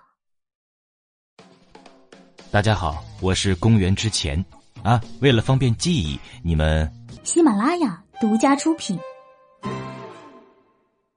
第一百五十四集，柳城机场，一辆印着顾家家徽的私人飞机直接降落在了地面。地勤人员一看是顾家的飞机，丝毫不敢懈怠。毕竟柳城这个机场能建设起来，顾家投资超过了一半呢。一行人簇拥着一个鹤发却精神矍铄的老人下了飞机。不多久，顾金飞亲自驾车来到了机场迎接。见到老人，一向金贵无双的他也神色拘谨了几分，正色道：“爷爷，您来了。”“嗯，顾离合点了点头，却再没有多余的话。作为爷爷，看上去跟自己的孙子却并不是十分的亲近。但顾金飞似乎早就已经习惯了这些，直接把顾离合请进了林肯车里。车上的空调温度、车内的音乐，还有准备的红酒等，都是按照顾离合最喜欢的提前准备好的。而顾离合上了车后，车内只有他们两人，他的神色这才有所缓和。微博的事情又是怎么回事啊？真的是你为了他做的吗？他人刚落座不过几分钟，开口便直接说了微博。即便身在国外，他对国内发生的一切。特别是跟故事息息相关的事儿，一件都没有错过。顾金飞点头，不错，是为他做的。既然爷爷当初让我跟他结婚，她是我的合法妻子，也是顾家的少奶奶，她的名声跟顾家的声誉息息相关。维护她，就是维护我们顾家。爷爷觉得我做错了。即便是看到顾离合的脸色不是太愉悦，好像是在责备他做的过分了，但是顾金飞依旧没有退缩，不卑不亢的直接回答了他。顾离合沉默了数秒，端起红酒杯浅酌了一小口，那一头梳理的一丝不苟的银发，忽的有一小撮不听话似的垂了下来。当初的确是我让你跟他结婚的。你没有反抗，但是你如今对他百般维护，却是我想不到的呀，金飞。顾离合双目深陷，却眸光犀利。你是不是已经爱上他了呀？顾金飞没有回答，但顾离合已经知道了答案。愚蠢！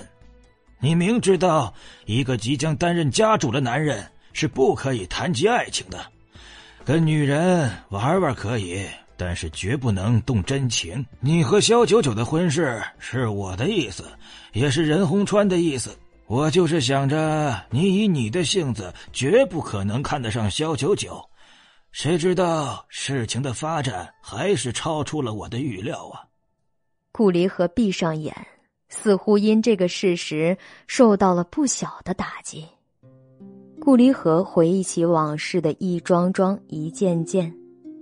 在顾家，凡是对女人动情的历任掌舵者，几乎都难逃一个悲惨的命运。顾家，表面上看上去风光无限、权势滔天，实际却是一个受到诅咒的家族。因此，在顾家内部，也就有了一个不成文的规定：娶妻必须娶不爱之人，甚至是那种一看就知道这辈子都不可能爱上的人。也只有这样，才能逃得过妻死子散的悲惨命运。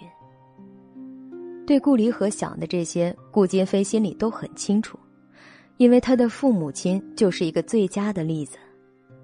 南子眠也因此突然重病，甚至一度不治，看似随时都有可能撒手人寰。爷爷，我母亲醒了。林肯车在无声的疾驰。道路两旁高大的法国梧桐树上，不时落下些树叶，纷纷扬扬的，煞是好看。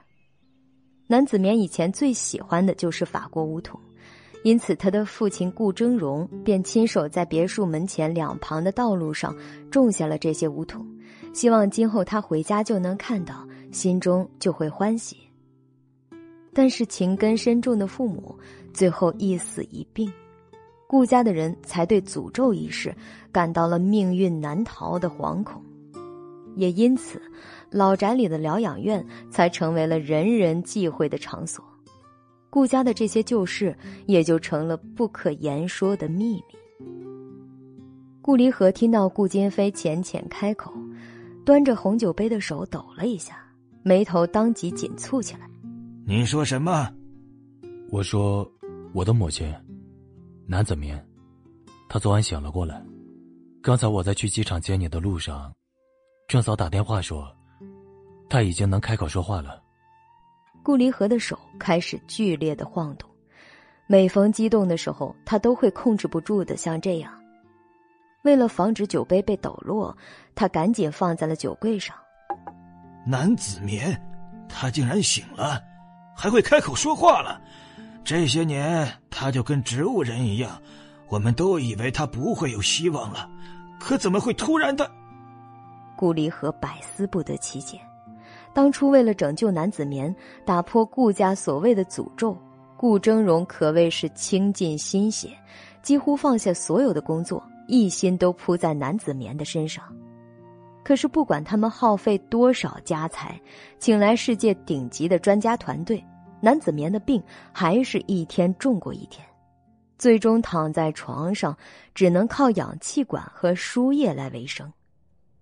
母亲的病和父亲的死只是意外，并不是什么家族诅咒。这个世界上哪有什么鬼神之说？如果有诅咒的话。母亲为何还能醒来？甚至，郑嫂说，她的情况非常乐观。只要好生照顾，恢复的如同常人一般，只是时间问题。不要说顾离合了，就是顾金飞本人在听到这个消息以后，也都激动的差点落泪。当初萧九九给他服下那颗药丸，他以为最好的效果只是让母亲醒来，做一个清醒的植物人。可是，没想到，仅仅一夜过去，他的状态几乎是肉眼可见的在逐渐恢复，速度之快，远超出他的想象。顾离和半张着嘴，不知该说什么，只是不停的感慨：“他竟然醒了，醒了！若是峥嵘泉下有知，大概也会高兴的。”爷爷。我们顾家没有什么诅咒，我母亲若是能够痊愈，就是个最好的证明。到时候，我想请爷爷您在家族会议上亲自宣布取消那个规定。而顾离合惊讶归惊讶，脑子却是十分的清醒，也十分的固执。这件事情没得商量，这个规定也不是我一个人做出的。不仅顾家本家，所有嫡系和旁支也在遵守同个规定。金飞呀，你若是执意同萧九九好，那就只有一条路，跟他离婚。只要他不进我顾家门，你们就不会受诅咒影响。顾离合的话瞬间把顾金飞眼中刚升腾起来的热切期盼给浇熄了。他好不容易爱上的女人。却永远没有资格堂堂正正的迎他进门。若是爱下去，便只能离婚；若是要维持婚姻，只能灭情绝爱。车子即将开到家门口的时候，顾金飞忽然降低车速，缓缓的停住，最后自己一头倒在了方向盘上。大家好，我是敢敢。在本剧中饰演各种正派女角色。第一百五十五集，微博上风波平息了好久，网友很快就被其他的热搜给吸引住了，慢慢的也就忘记了肖九九的事情。这一天戏份拍完后，肖九九照例打算先回房间，肖晴晴却叫住了他：“姐姐，爸喊我们回家吃饭，团聚一下。”他说话的时候，身旁还站着薄一舟，他挽着他的胳膊，亲密的就像一个人一样。肖九九眼都不眨的回道：“萧元回去我就回去，毕竟萧元是他唯一的亲弟弟，而且他也确实很长一段时间没有见过他了，心中还是有些挂念的。”萧晴晴掩嘴笑道：“既然是一家人团聚，怎么可能少得了阿元呢？说不定这会儿啊。”他已经在家里等着咱们了。肖九九这才点点头。这时，薄一舟看他要去开车，便主动说道：“反正都是要回家的，九九，你也坐我的车吧，我们一起回去啊。吃完饭呢，我再把你们送回酒店，这样不是很方便吗？”肖九九眯了眯好看的桃花眼，原来薄一舟也要一起去。虽然之前薄一舟跟肖晴晴谈了一段时间。但他可一直没跟他回过萧家，当然了，跟原主在一起的时候也一样没有回过。对薄一舟来说，一旦去了女朋友家，好像就被绑定了，马上就要进入结婚流程一样。这是他这个崇尚不婚主义的公子哥最为惧怕的事情。可是没想到，萧晴晴却能让薄一舟放下心中的这个执念。看来，肖九九还真的是小看他了，也小看了这对狗男女之间的感情。想到这儿，肖九九勾唇浅笑了一下，哼，我还是习惯了自己开车，你们回你们的吧，我回我的，大家不在一辆车上才更方便。博一舟闻言，脸上表情有些尴尬，不过肖九九拒绝他，好像已经成为了家常便饭一样，甚至是一种下意识的反应，于是他也不再坚持。好吧，那你路上开车慢点啊。肖九九淡淡点头，算是回应，然后便拎上挎包，一个人走向了停车场。这时，肖晴晴挽着薄一舟的胳膊，黏腻无比的，时不时亲吻一下，讲几句情话。他们就这样一路跟在肖九九后面，一同去了停车场。萧九九正要上车，却看到萧晴晴挽着薄一舟一路走到近前，巧了。他们的车就和他隔着一个车位，一看到萧九九跨上一辆赛车，萧晴晴顿时惊讶万分。姐姐，你怎么开着这样的车？你之前不是有辆法拉利吗？怎么了？不会是顾总收回去了吧？他也太过分了！好歹你也是个明星，怎么就给你开这样的破车啊？肖九九的赛车在影视城停车场的一堆豪车里，可真是够惹眼的了。就那张牙舞爪的纹饰，看着就很不上档次。肖晴晴好不容易逮住了一点苗头，若是肖九九的老公真的有那么疼爱她，怎么忍心给她这种破车，甚至都不能合法的上马路？薄一舟也觉得疑惑，不是说肖九九的老公很有钱吗？山文公司执行总裁，难道外界的传说都是假的？否则他怎么会开这么匪夷所思的车呢？破车，肖九九鼻息底下冷哼一声，桃花眼却是眯了起来，像两个月牙他是真的被肖琴琴给逗笑了。你没见过世面不要紧啊，但是以后在外面。我劝你还是不要对自己不了解的东西随便评头论足的，免得丢人。像萧晴晴这样的女人，也就只会看看表面而已。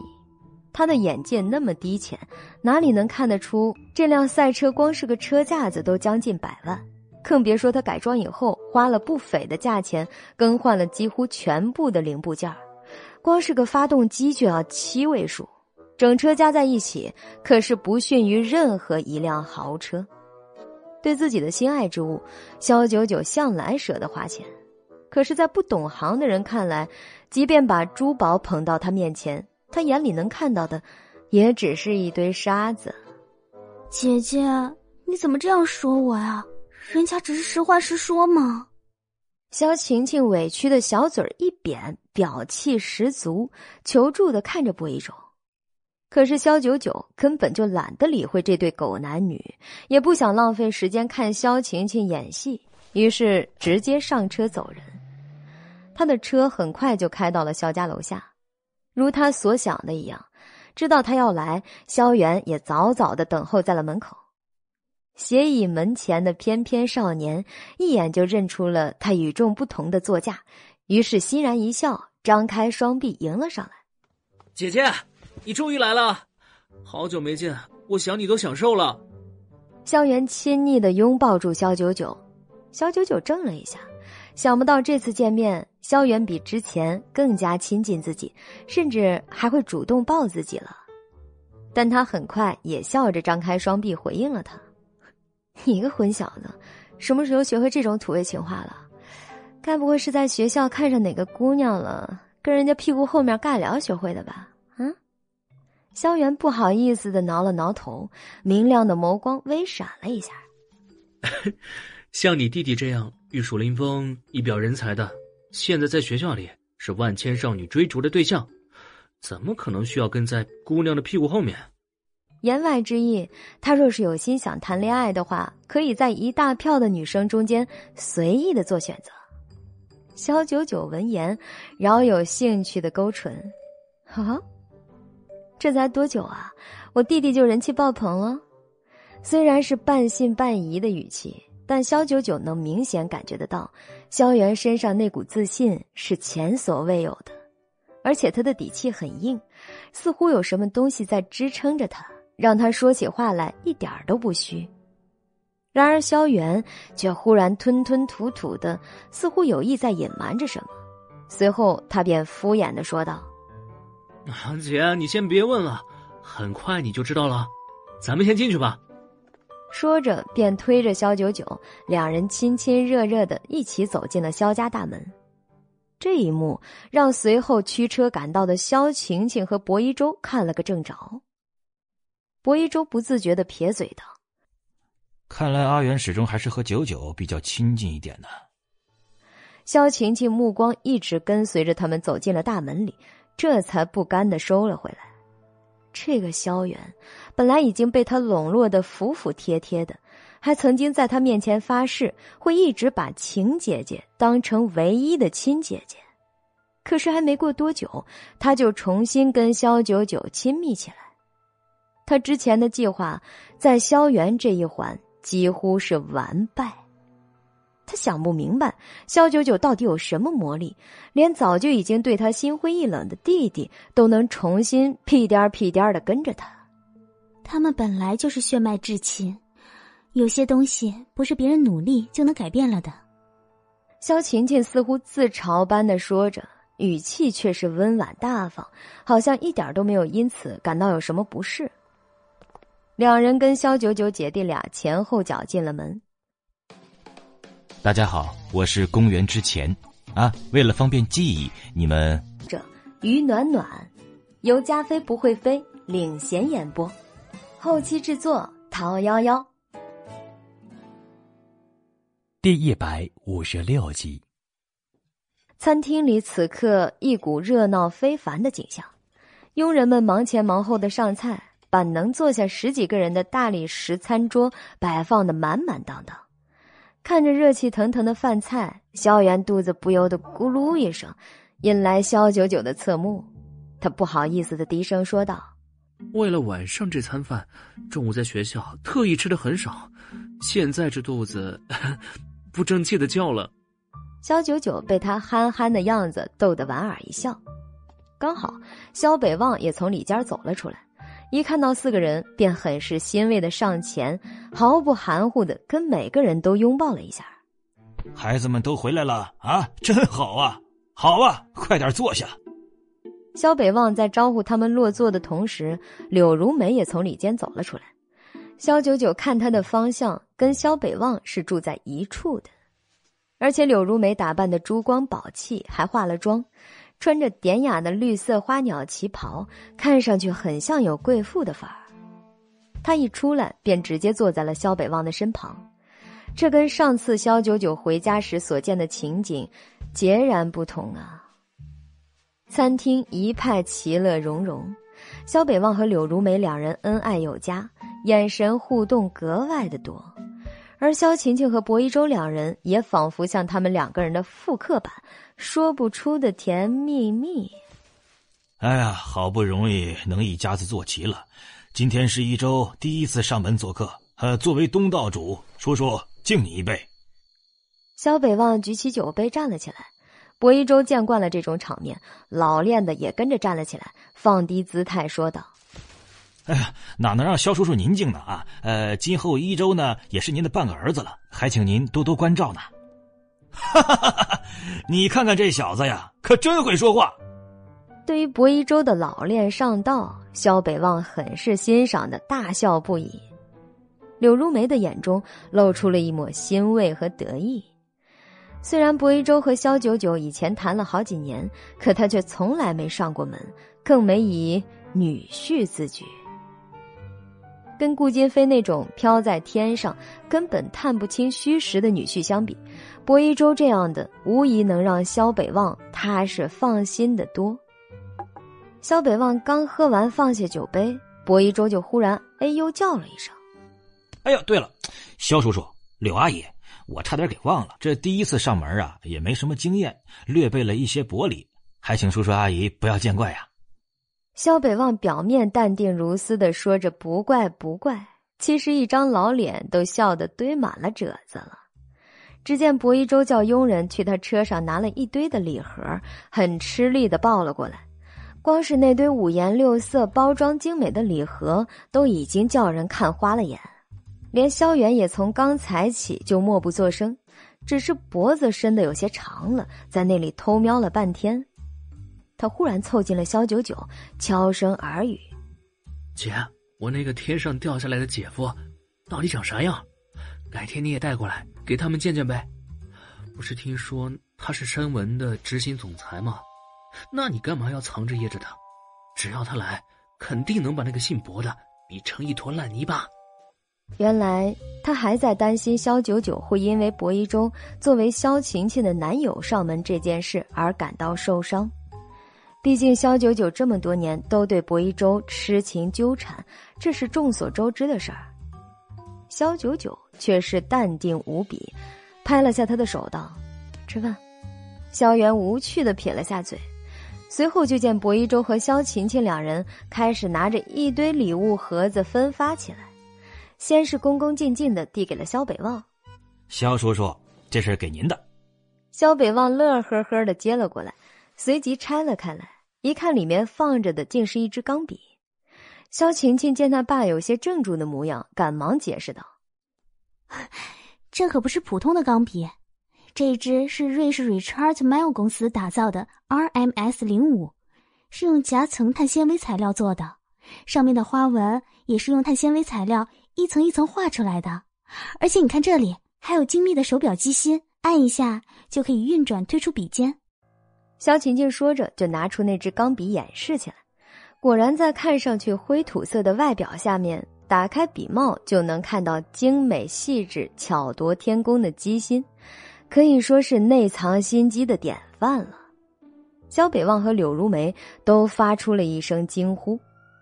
接着，萧晴晴又道：“这支笔售价七十多万呢，连英国女王都在用它。一周为了买这支笔，可是费了不少心思呢。”这下连萧元的嘴巴都张得老大，半天都没合上，低低私语道：“我的天哪，这玩意儿是用钻石打造的吗？竟然这么贵！”钻石倒是没有，但是笔尖是用十八 K 白金打造的，可以说是非常高端大气了。萧琴琴的耳朵倒是挺灵敏，一下子就听到了他的话，马上就解释了起来：“哎呀，一周真是费心了呀，花这么多钱为我买来。”萧北望啧啧的感叹道，内心却是倏然腾起一股骄傲和满足感。只要萧晴晴抓住了薄一舟，顺利的嫁进薄家，那她在柳城的地位也会跟着扶摇直上啊。价钱多少都无所谓，呃，但是呢，第一次见萧叔叔，那您当然值得最好的了。这笔在您的手上啊，定能笔笔生辉，您公司的生意也会越来越好的。薄一舟在研究父母辈的心思方面，那堪称是鬼才了。这一番话说的正中萧北望的下怀，又给足了他的面子，让他浑身一百八十个毛孔都说不出的舒畅。接着，气氛在一片和谐当中，薄一舟又分别送给柳如梅一套高定女装，送给萧元一支乔丹签名篮球。大家拿到了称心如意的礼物，心里都甜丝丝的。但萧九九丝毫不为所动，甚至有点困顿的打起了哈欠。哎呀，昨晚打排位打的太晚了，若不是萧北望突然叫他回家，若不是想看看萧元，他今晚肯定早早就睡下了。这时，薄一舟把最后一件四方的紫色盒子递给了萧九九。萧晴晴也表现的落落大方的，姐姐，虽然你和一周曾经有一段过去，但是我们现在都各自有了如意的郎君，希望你能忘记过去的不快，让我们一家人凝聚在一起，时时刻刻感受到幸福快乐，好吗？哎，你说你们俩这口才怎么不去讲相声呢？要不主持个春晚什么的也好啊？要不要我帮你推荐一下？那可比当演员跑龙套有前途多了。肖九九嘴角噙着令人捉摸不透的笑意，肖北望的脸色略沉了一下。明知道他是在奚落嘲讽萧晴晴、薄一舟，他却不好直接数落他。毕竟现在这萧九九早就不同往日了。比起薄家，顾金飞所代表的山文公司，那更是资产雄厚，让他更是忌惮。听到萧九九一番话，薄一舟当即就拧起了眉头。九九，你妹妹是真心想和你和好，你怎么总是拒人千里之外呢？就算之前有过些误会，但是你们总归是一家人呐！啊，萧九九浅笑盈盈，无动于衷。啊，是吗？他真的有把我当成家人啊？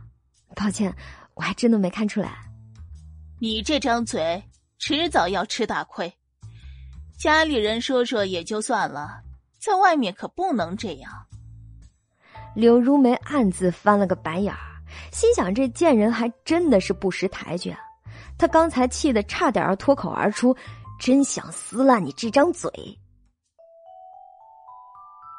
大家好，我是加菲，依然还是千年前演播，第一百五十七集。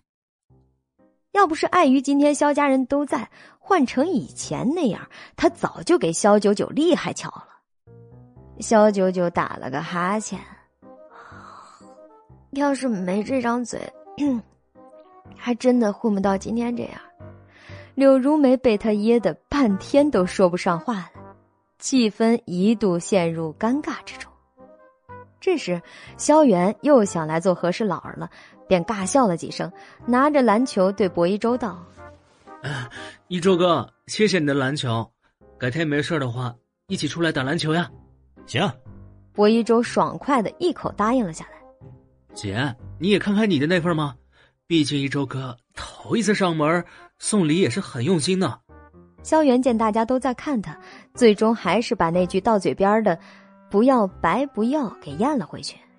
他想不通，他姐姐有那么一颗七窍玲珑心，怎么人家送到手边的礼物还不要呢？萧九九眼皮子抬了抬，笑道：“既然如此，那这份礼物你便代我收下好了。”我这手伤刚好没多久，还不是很利索，我就先不打开了啊。哎呀，姐姐，你手既然伤的这么严重，那就让阿元帮你打开好了。对不起，是我给忘了，你这伤才刚好没多久。萧晴晴做出惊讶和后悔自责的样子，转头看向萧元，众目睽睽之下，萧元只能硬着头皮打开。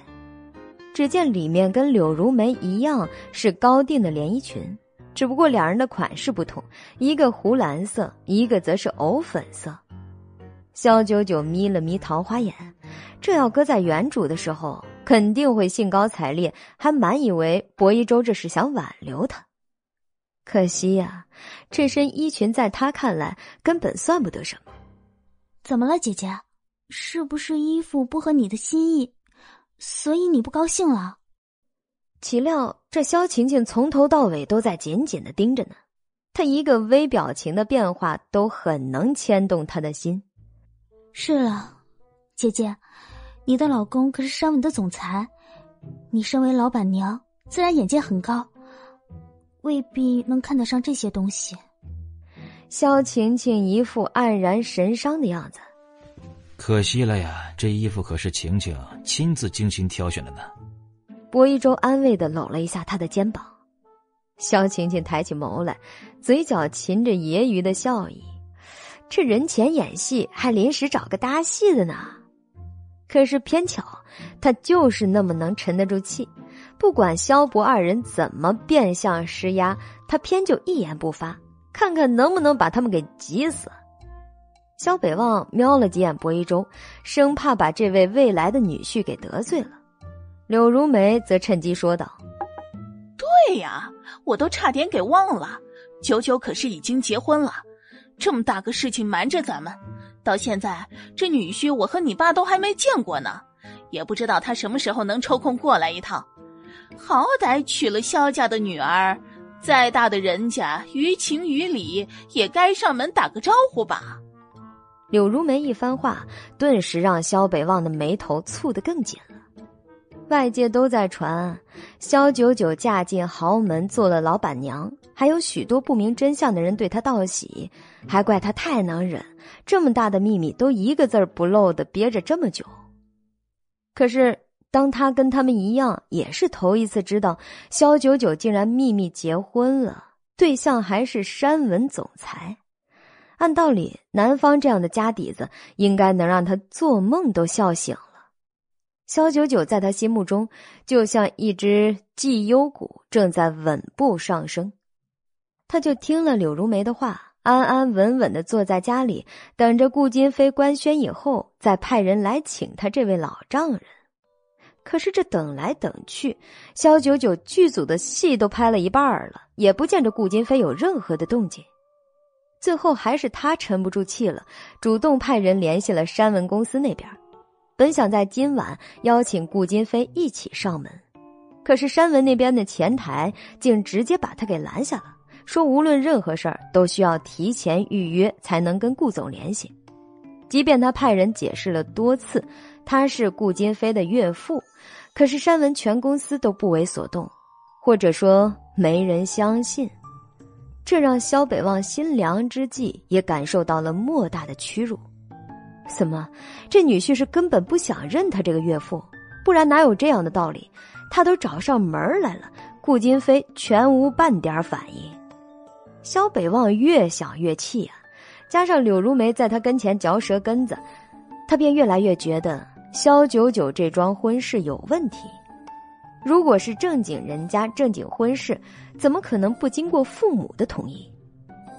于是萧北望敛住了之前的笑意，正色问萧九九道：“哎呀，是啊，九九，你是不是也该让你那个神秘的老公来见一见我和你柳姨了？这好歹也成了一家人了，怎么能如此不知礼数呢？”萧九九见他们把火引到自己身上。他不慌不怕的拍了拍袖子上的一抹灰尘。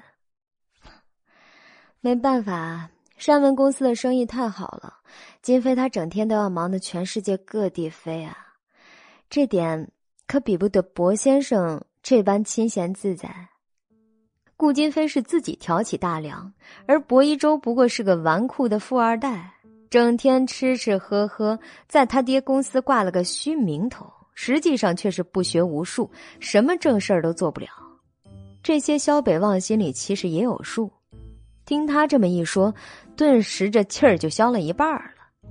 可是这个时候，柳如梅和萧晴晴却不愿意了。他这番话不是硬生生的把薄一舟给比了下去，让他顿时在萧家显得矮了半截吗？凭什么他一个活生生的女婿，还比不得顾金飞那种虚招子？哎，九九，你说这话我就不爱听了。你是什么意思啊？就在柳如梅要向萧九九发难的时候，门外忽然一阵吵吵闹闹的声音。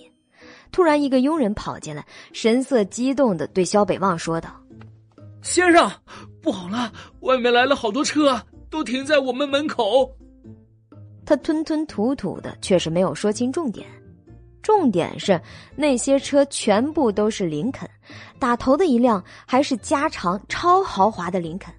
那种车，像他这样的普通佣人，也只有在外国的电视剧里看到那些元首们坐过。什么？萧北望当即起身，神色有些惊疑。接着，其他人也跟着纷纷跑到了院门外，一看，果不其然，只见整整六辆林肯。气势恢宏的停在了萧家门口，不知道情况的还以为是谁家女儿马上要出嫁了，夫家派人来接亲的呢。可是有眼力见儿的却知道，像这样的豪车，而且是整六辆，即便是租一天，租金也要十多万呢。于是萧家左邻右舍们也都纷纷跑出来看热闹，一时间门口聚了不少人。肖北望走在最前面，很迷茫的看着为首的那辆加长林肯。只见车门缓缓的打开了，走下来一个英俊不凡、气质翩翩的年轻男子，他的手里还托着一个很长、看起来又很贵重的礼盒。肖先生你好，我是顾总的特助。我们顾总公务繁忙，今天不能前来赴宴，他深感遗憾，特地派我前来代表他向您致歉。肖九九看着衣冠楚楚的文杰斯，眼底微抽了抽。第一百五十八集，这个顾金飞也真是太喜欢给他惊喜了吧！总是在他根本想不到的时候出现。虽然这次来的并不是他本人，文杰斯不管是从外表还是气质上，本身就像是非富即贵的少爷，即便和薄一舟站在一起，也完全没有被比下去。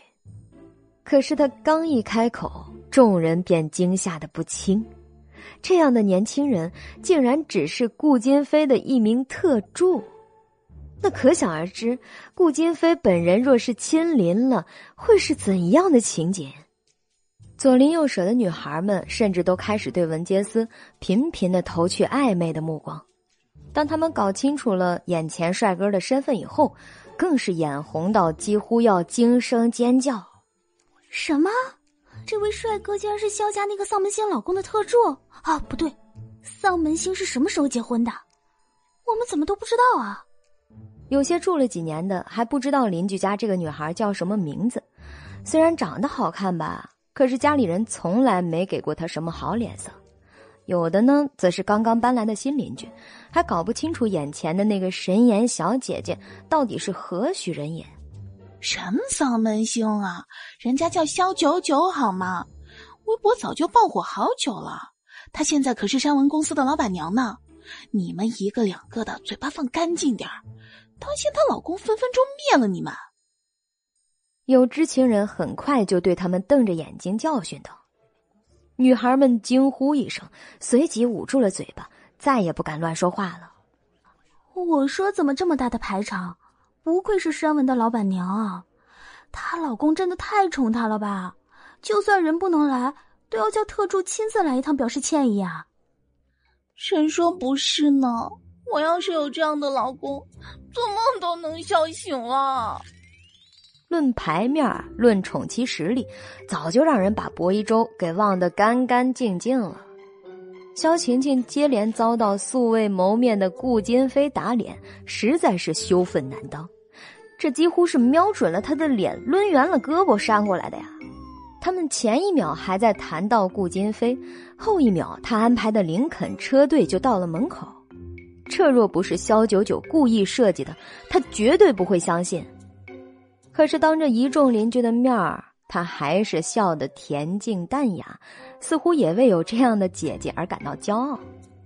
萧北望错愕的看着文杰斯，下意识的把东西接了过来，说了声：“呃，谢谢啊。那个要不要进去坐坐一会儿啊？”文杰斯下意识的看了萧九九一眼，似乎是在征求他的意见。毕竟他家先生说了，只要是他不在场的时候，不管任何事情，一律问过萧九九本人同意了，那才可以的。哎呀。肖九九的脑壳又开始疼了，文杰斯这眼神明显是拿他当自家少奶奶看待啊。可是这绝对不是他想要的结果，这个走向也隐约感觉又哪里不太对劲儿。文特助也是很忙的，想必顾总那儿还有很多事情需要你帮忙。若是有事儿的话，大可不必拘束，直接说就好了。肖九九挑了挑眉毛。一双泛着水雾、黑白分明的大眼睛，早就给足了文杰斯的暗示。现在萧家的情况，他并不希望有人插进来，更不希望萧家跟顾家扯上什么直接的关系。当初跟顾金飞说好了，只是不会直接拒绝他的关心，可没说允许他以女婿的身份上门，或者派代表上门呢。温杰斯当即点了点头：“我懂您的意思了，我这就回去。”只是，他的眼神讳莫如深，余光瞄了瞄围观的众人，显然是有什么话想跟萧九九说，但是又不好直接言明。萧九九叹了口气：“金飞他可是有什么私话想让你带给我？文杰斯大喜过望，他家少奶奶就是聪慧过人，一点即通啊！于是文杰斯疯狂点头，肖九九便招手示意他过来。只见他俯下身子，恭敬的附在肖九九的耳边，悄声说了些什么。肖九九那双百年处变不惊的眸子忽地闪动了下，眉头也轻蹙了起来。在旁看着的萧晴晴等人也都将他们举动瞧得很清楚，他们之间的气氛彼此间明显是非常的熟悉了。就文杰斯对萧九九那股恭敬的味道，便能够让萧晴晴喝一壶陈醋了。这时，萧北望许是觉得拖着的东西太重，太过好奇，便悄悄的打开了礼物盒子，朝里看了一眼后，瞳孔都猛地缩紧。里面躺着的是一只钻石打造的腕表，而且就是他上个月在拍卖会上花高价也没拍下来，失之交臂，深感遗憾的那只。对于自己心心念念的宝贝，在猝不及防的时刻突然跳进视野，并且宣布从此属于他，萧北望震惊激动之余，又暗自感慨：顾金飞虽然从未谋面，但城府太深。手段也比薄一舟那样的纨绔子弟要高明不知多少，并且他表面不问萧家之事，实际却对每一个人的一举一动都了如指掌，这才是真正让他细思极恐的所在。这个人实在是太不简单了。这只腕表送的既给足了他面子，又达到了震慑的效果。他们萧家每个人都在他的鼓掌之间，若是敢对萧九九有什么不好的念头，要灭掉他们，那也就是分分钟的事情。萧北望后背里顿时出了一层冷汗，是他太轻视这位女婿了。薄一舟跟他完全不是一个等级的，直接被秒成了渣渣。就在他暗戳戳的想要合上盖子的时候。偏生柳如梅伸过头来看了一眼，哎，这腕表怎么这么眼熟？这不是你上次没拍到的那只吗？他一出声，萧晴晴和薄一舟等也跟着看了过来。萧北望当即把盖子一合，沉声不悦道：“你胡说什么呀？看错了。”只是这一瞬间的反常，便让萧晴晴明白过来，他母亲绝没有看错。原来顾金飞真的把萧北望渴望了很久的那只钻石腕表从买家的手里又买了过来，转而送给了萧北望。而这只腕表当时的起拍价就要一千两百万。就在此时，萧九九走了过来，对萧北望道：“爸，我先走了。金飞那边出了点事儿，希望我陪他一起处理。”萧北望脸色好不容易才恢复了正常。听到他说话，几乎不假思索的点头。既然是顾总的吩咐，那你就去吧，好好陪着他。他那样的人物，萧家是绝技得罪不起的。他从前视作丧门星的萧九九，竟然攀上了如此富贵显赫的人物，直接飞上枝头变凤凰。从今以后，恐怕整个萧家能否飞黄腾达，也要仰仗萧九九的照顾了。萧九九刚要走，萧北望又道：“慢着。”随即立即吩咐了佣人去拿了珍藏的几样礼物过来，也装的好好的，很用心的递给了萧九九。这些你拿去给顾总，转告他一声啊。虽然这次错失了一起吃饭的良机，但是下次啊，若是有机会，还请他务必赏脸光临。喜马拉雅独家出品，第一百五十九集。柳如梅瞬间脸儿都要绿了，萧北望这态度不只是三百六十度，而是七百二十度转体后空翻呐！她嫁进萧家也有十几年了，却从未见过萧北望会像今天一样不顾颜面的去跪舔谁。萧九九到底嫁了什么样的男人？不就是送礼更舍得花钱一点吗？他心里有一万个不理解。但也只能干瞪眼儿的看着肖九九把那些礼物拿去，转而递给了文杰斯。身后，薄一舟和萧晴晴的眼神都很复杂，各怀心事。肖九九不想在此停留太久，便径直走到打头的林肯车前，正要跨步，忽然见萧元过来，眼巴巴的看着他。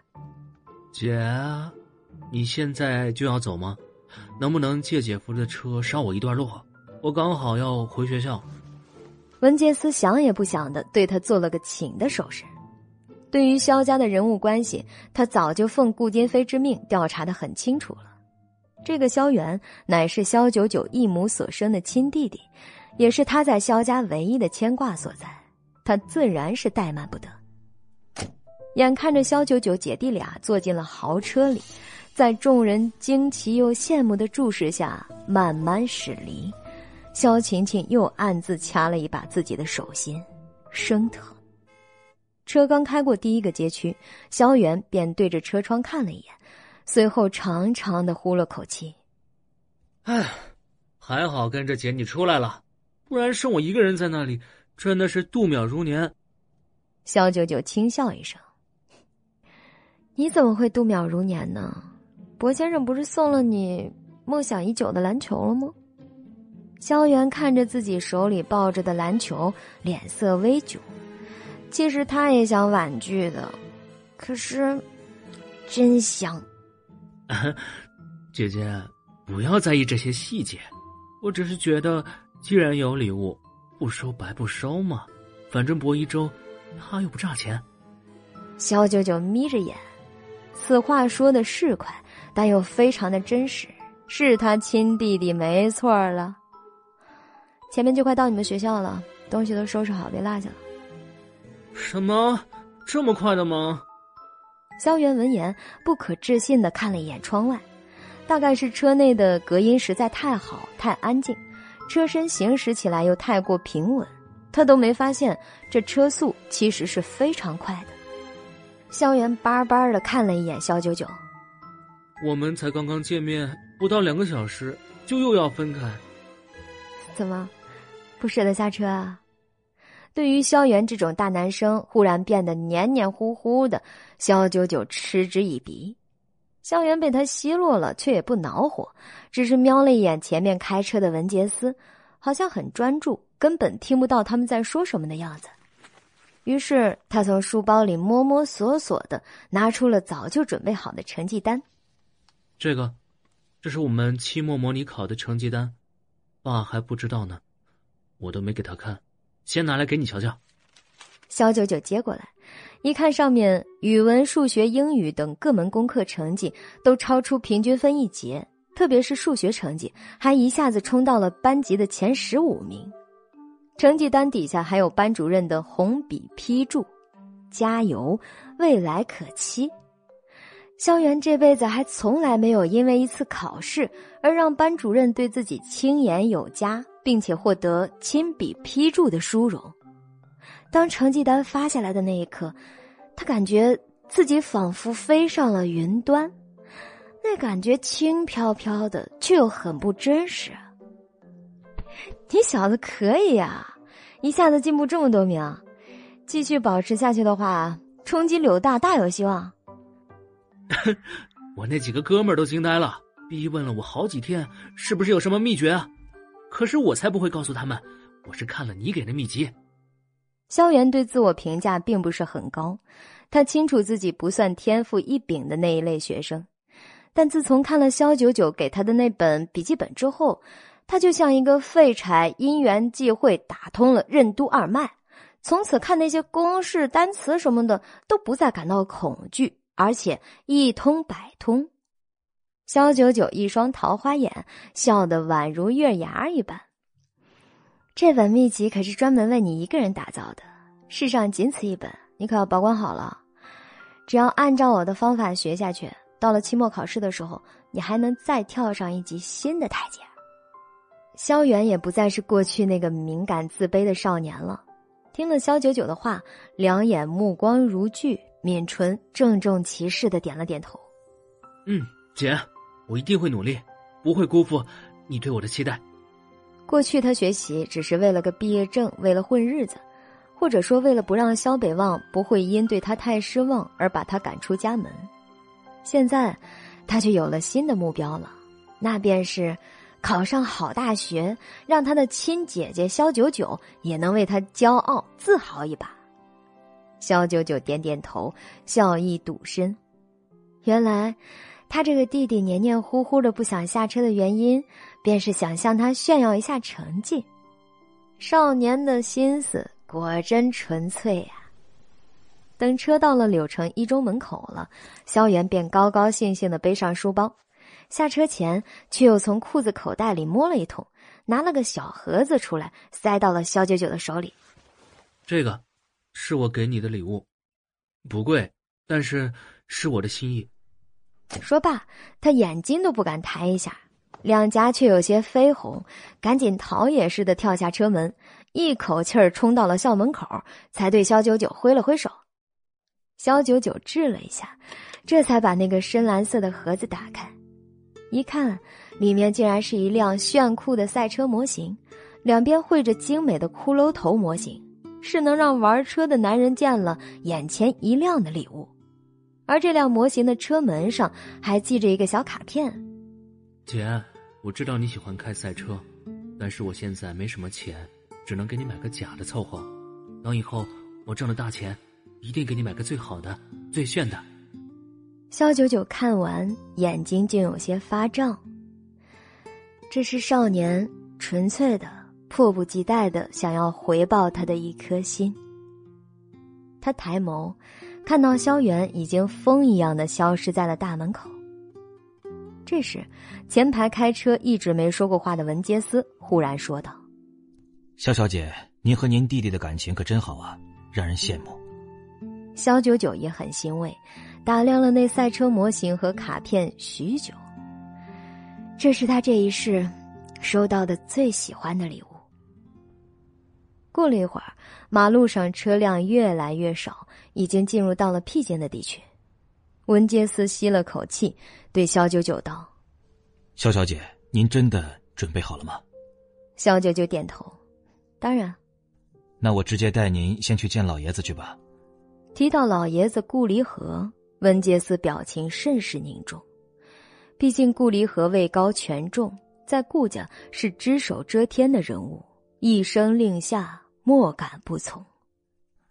大家好，我是敢敢。在本剧中饰演各种正派女角色。第一百六十集。这次顾离合回到柳城后，第一件事儿便说要见萧九九。这在顾家内部也掀起了一阵轩然大波。先不说萧九九跟顾金飞隐婚，只说萧九九之前在微博上跟薄一舟吵过的绯闻，就足以让很多人感觉。她只是个不入流的女明星，这样根底浮浅又绯闻缠身的女明星，有什么资格嫁到顾家做少奶奶？究竟老爷子招萧九九前去，对他来说，这趟是福是祸，还真的让人捏把汗呢。温杰斯偷偷的瞥了一眼萧九九，可是对方却没有表现出丝毫紧张的样子。作为男子棉以后第一个进入顾家的外族女子，萧九九的胆子不可谓不大，这也是让文杰斯深感佩服的地方。而萧九九关心的点却全然不在老爷子身上，这次到顾家来实在是他迫不得已，若不是之前在萧家，他暗示文杰斯可以走人。但文杰斯附上来说了那一番话，他也不会突然改变主意，要跟他去顾家。文特助，金飞为什么会一病不起？我想听实话。眼看着车再拐三个街区就要到顾家老宅了，肖九九忽然双手环胸，目光冷凝的直直逼向开车的文杰斯。他不想跟顾离合以及顾家的人打上交道。可是事与愿违，文杰斯却告诉他，顾金飞忽然重病不起，医生也都束手无策。由于他认识那位治好男子眠的世外高人，所以顾离合才紧急召他入顾家，希望能给顾金飞续上一命。表面上看，这都是合情合理的操作，但肖九九却觉得这一切都实在太过巧合了。顾金飞身体状况不说多好，起码不至于差到开了一趟车就无缘无故的倒下了。偏偏赶上顾老爷子回家这一天，又偏偏是在跟他同车以后，这不由得他不去多想啊。温杰斯身子一僵，握着方向盘的手也不自觉的紧了一下，但他还是让自己冷静下来，对肖九九道：“先生，他是个工作狂。”长期熬夜甚至通宵，医生早已经警告过，再这样下去心脏会出问题。我想这次恐怕就是积劳成疾。肖九九清冷的眸光微动了几下。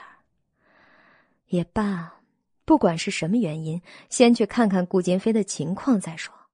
毕竟他之前为了自己曾不遗余力，若是就这样撒手人寰了，他还真的是觉得亏欠呀。顾家老宅一如既往的死气沉沉，就连佣人引着萧九九去见顾老爷子的路上，都不时有人用奇怪的目光打量着他。顾家有多久没见过新面孔了？更何况听说还是顾金飞的隐婚对象，从名义上来说，也就是顾家的少奶奶。但萧九九。一路上目不斜视，完全不把那些奇怪的目光放在心上。佣人把他带到了一幢颇为恢宏的琉璃瓦洋楼前。肖九九走进去，只见偌大的客厅里已经坐着不少人，正中间的是一个鹤发却颇为洋气的扎了一束辫子在脑后的老人。老人的手里拄着一根拐杖，双手放在上面。正襟危坐，表情一丝不苟，仿佛握着的是一根代表至高无上的皇帝权杖。老爷子，肖小姐带过来了。佣人微微欠身，对顾离和报告道：“所有人的目光瞬间都集中在了肖九九的身上。”顾离和从头到脚打量了一番肖九九。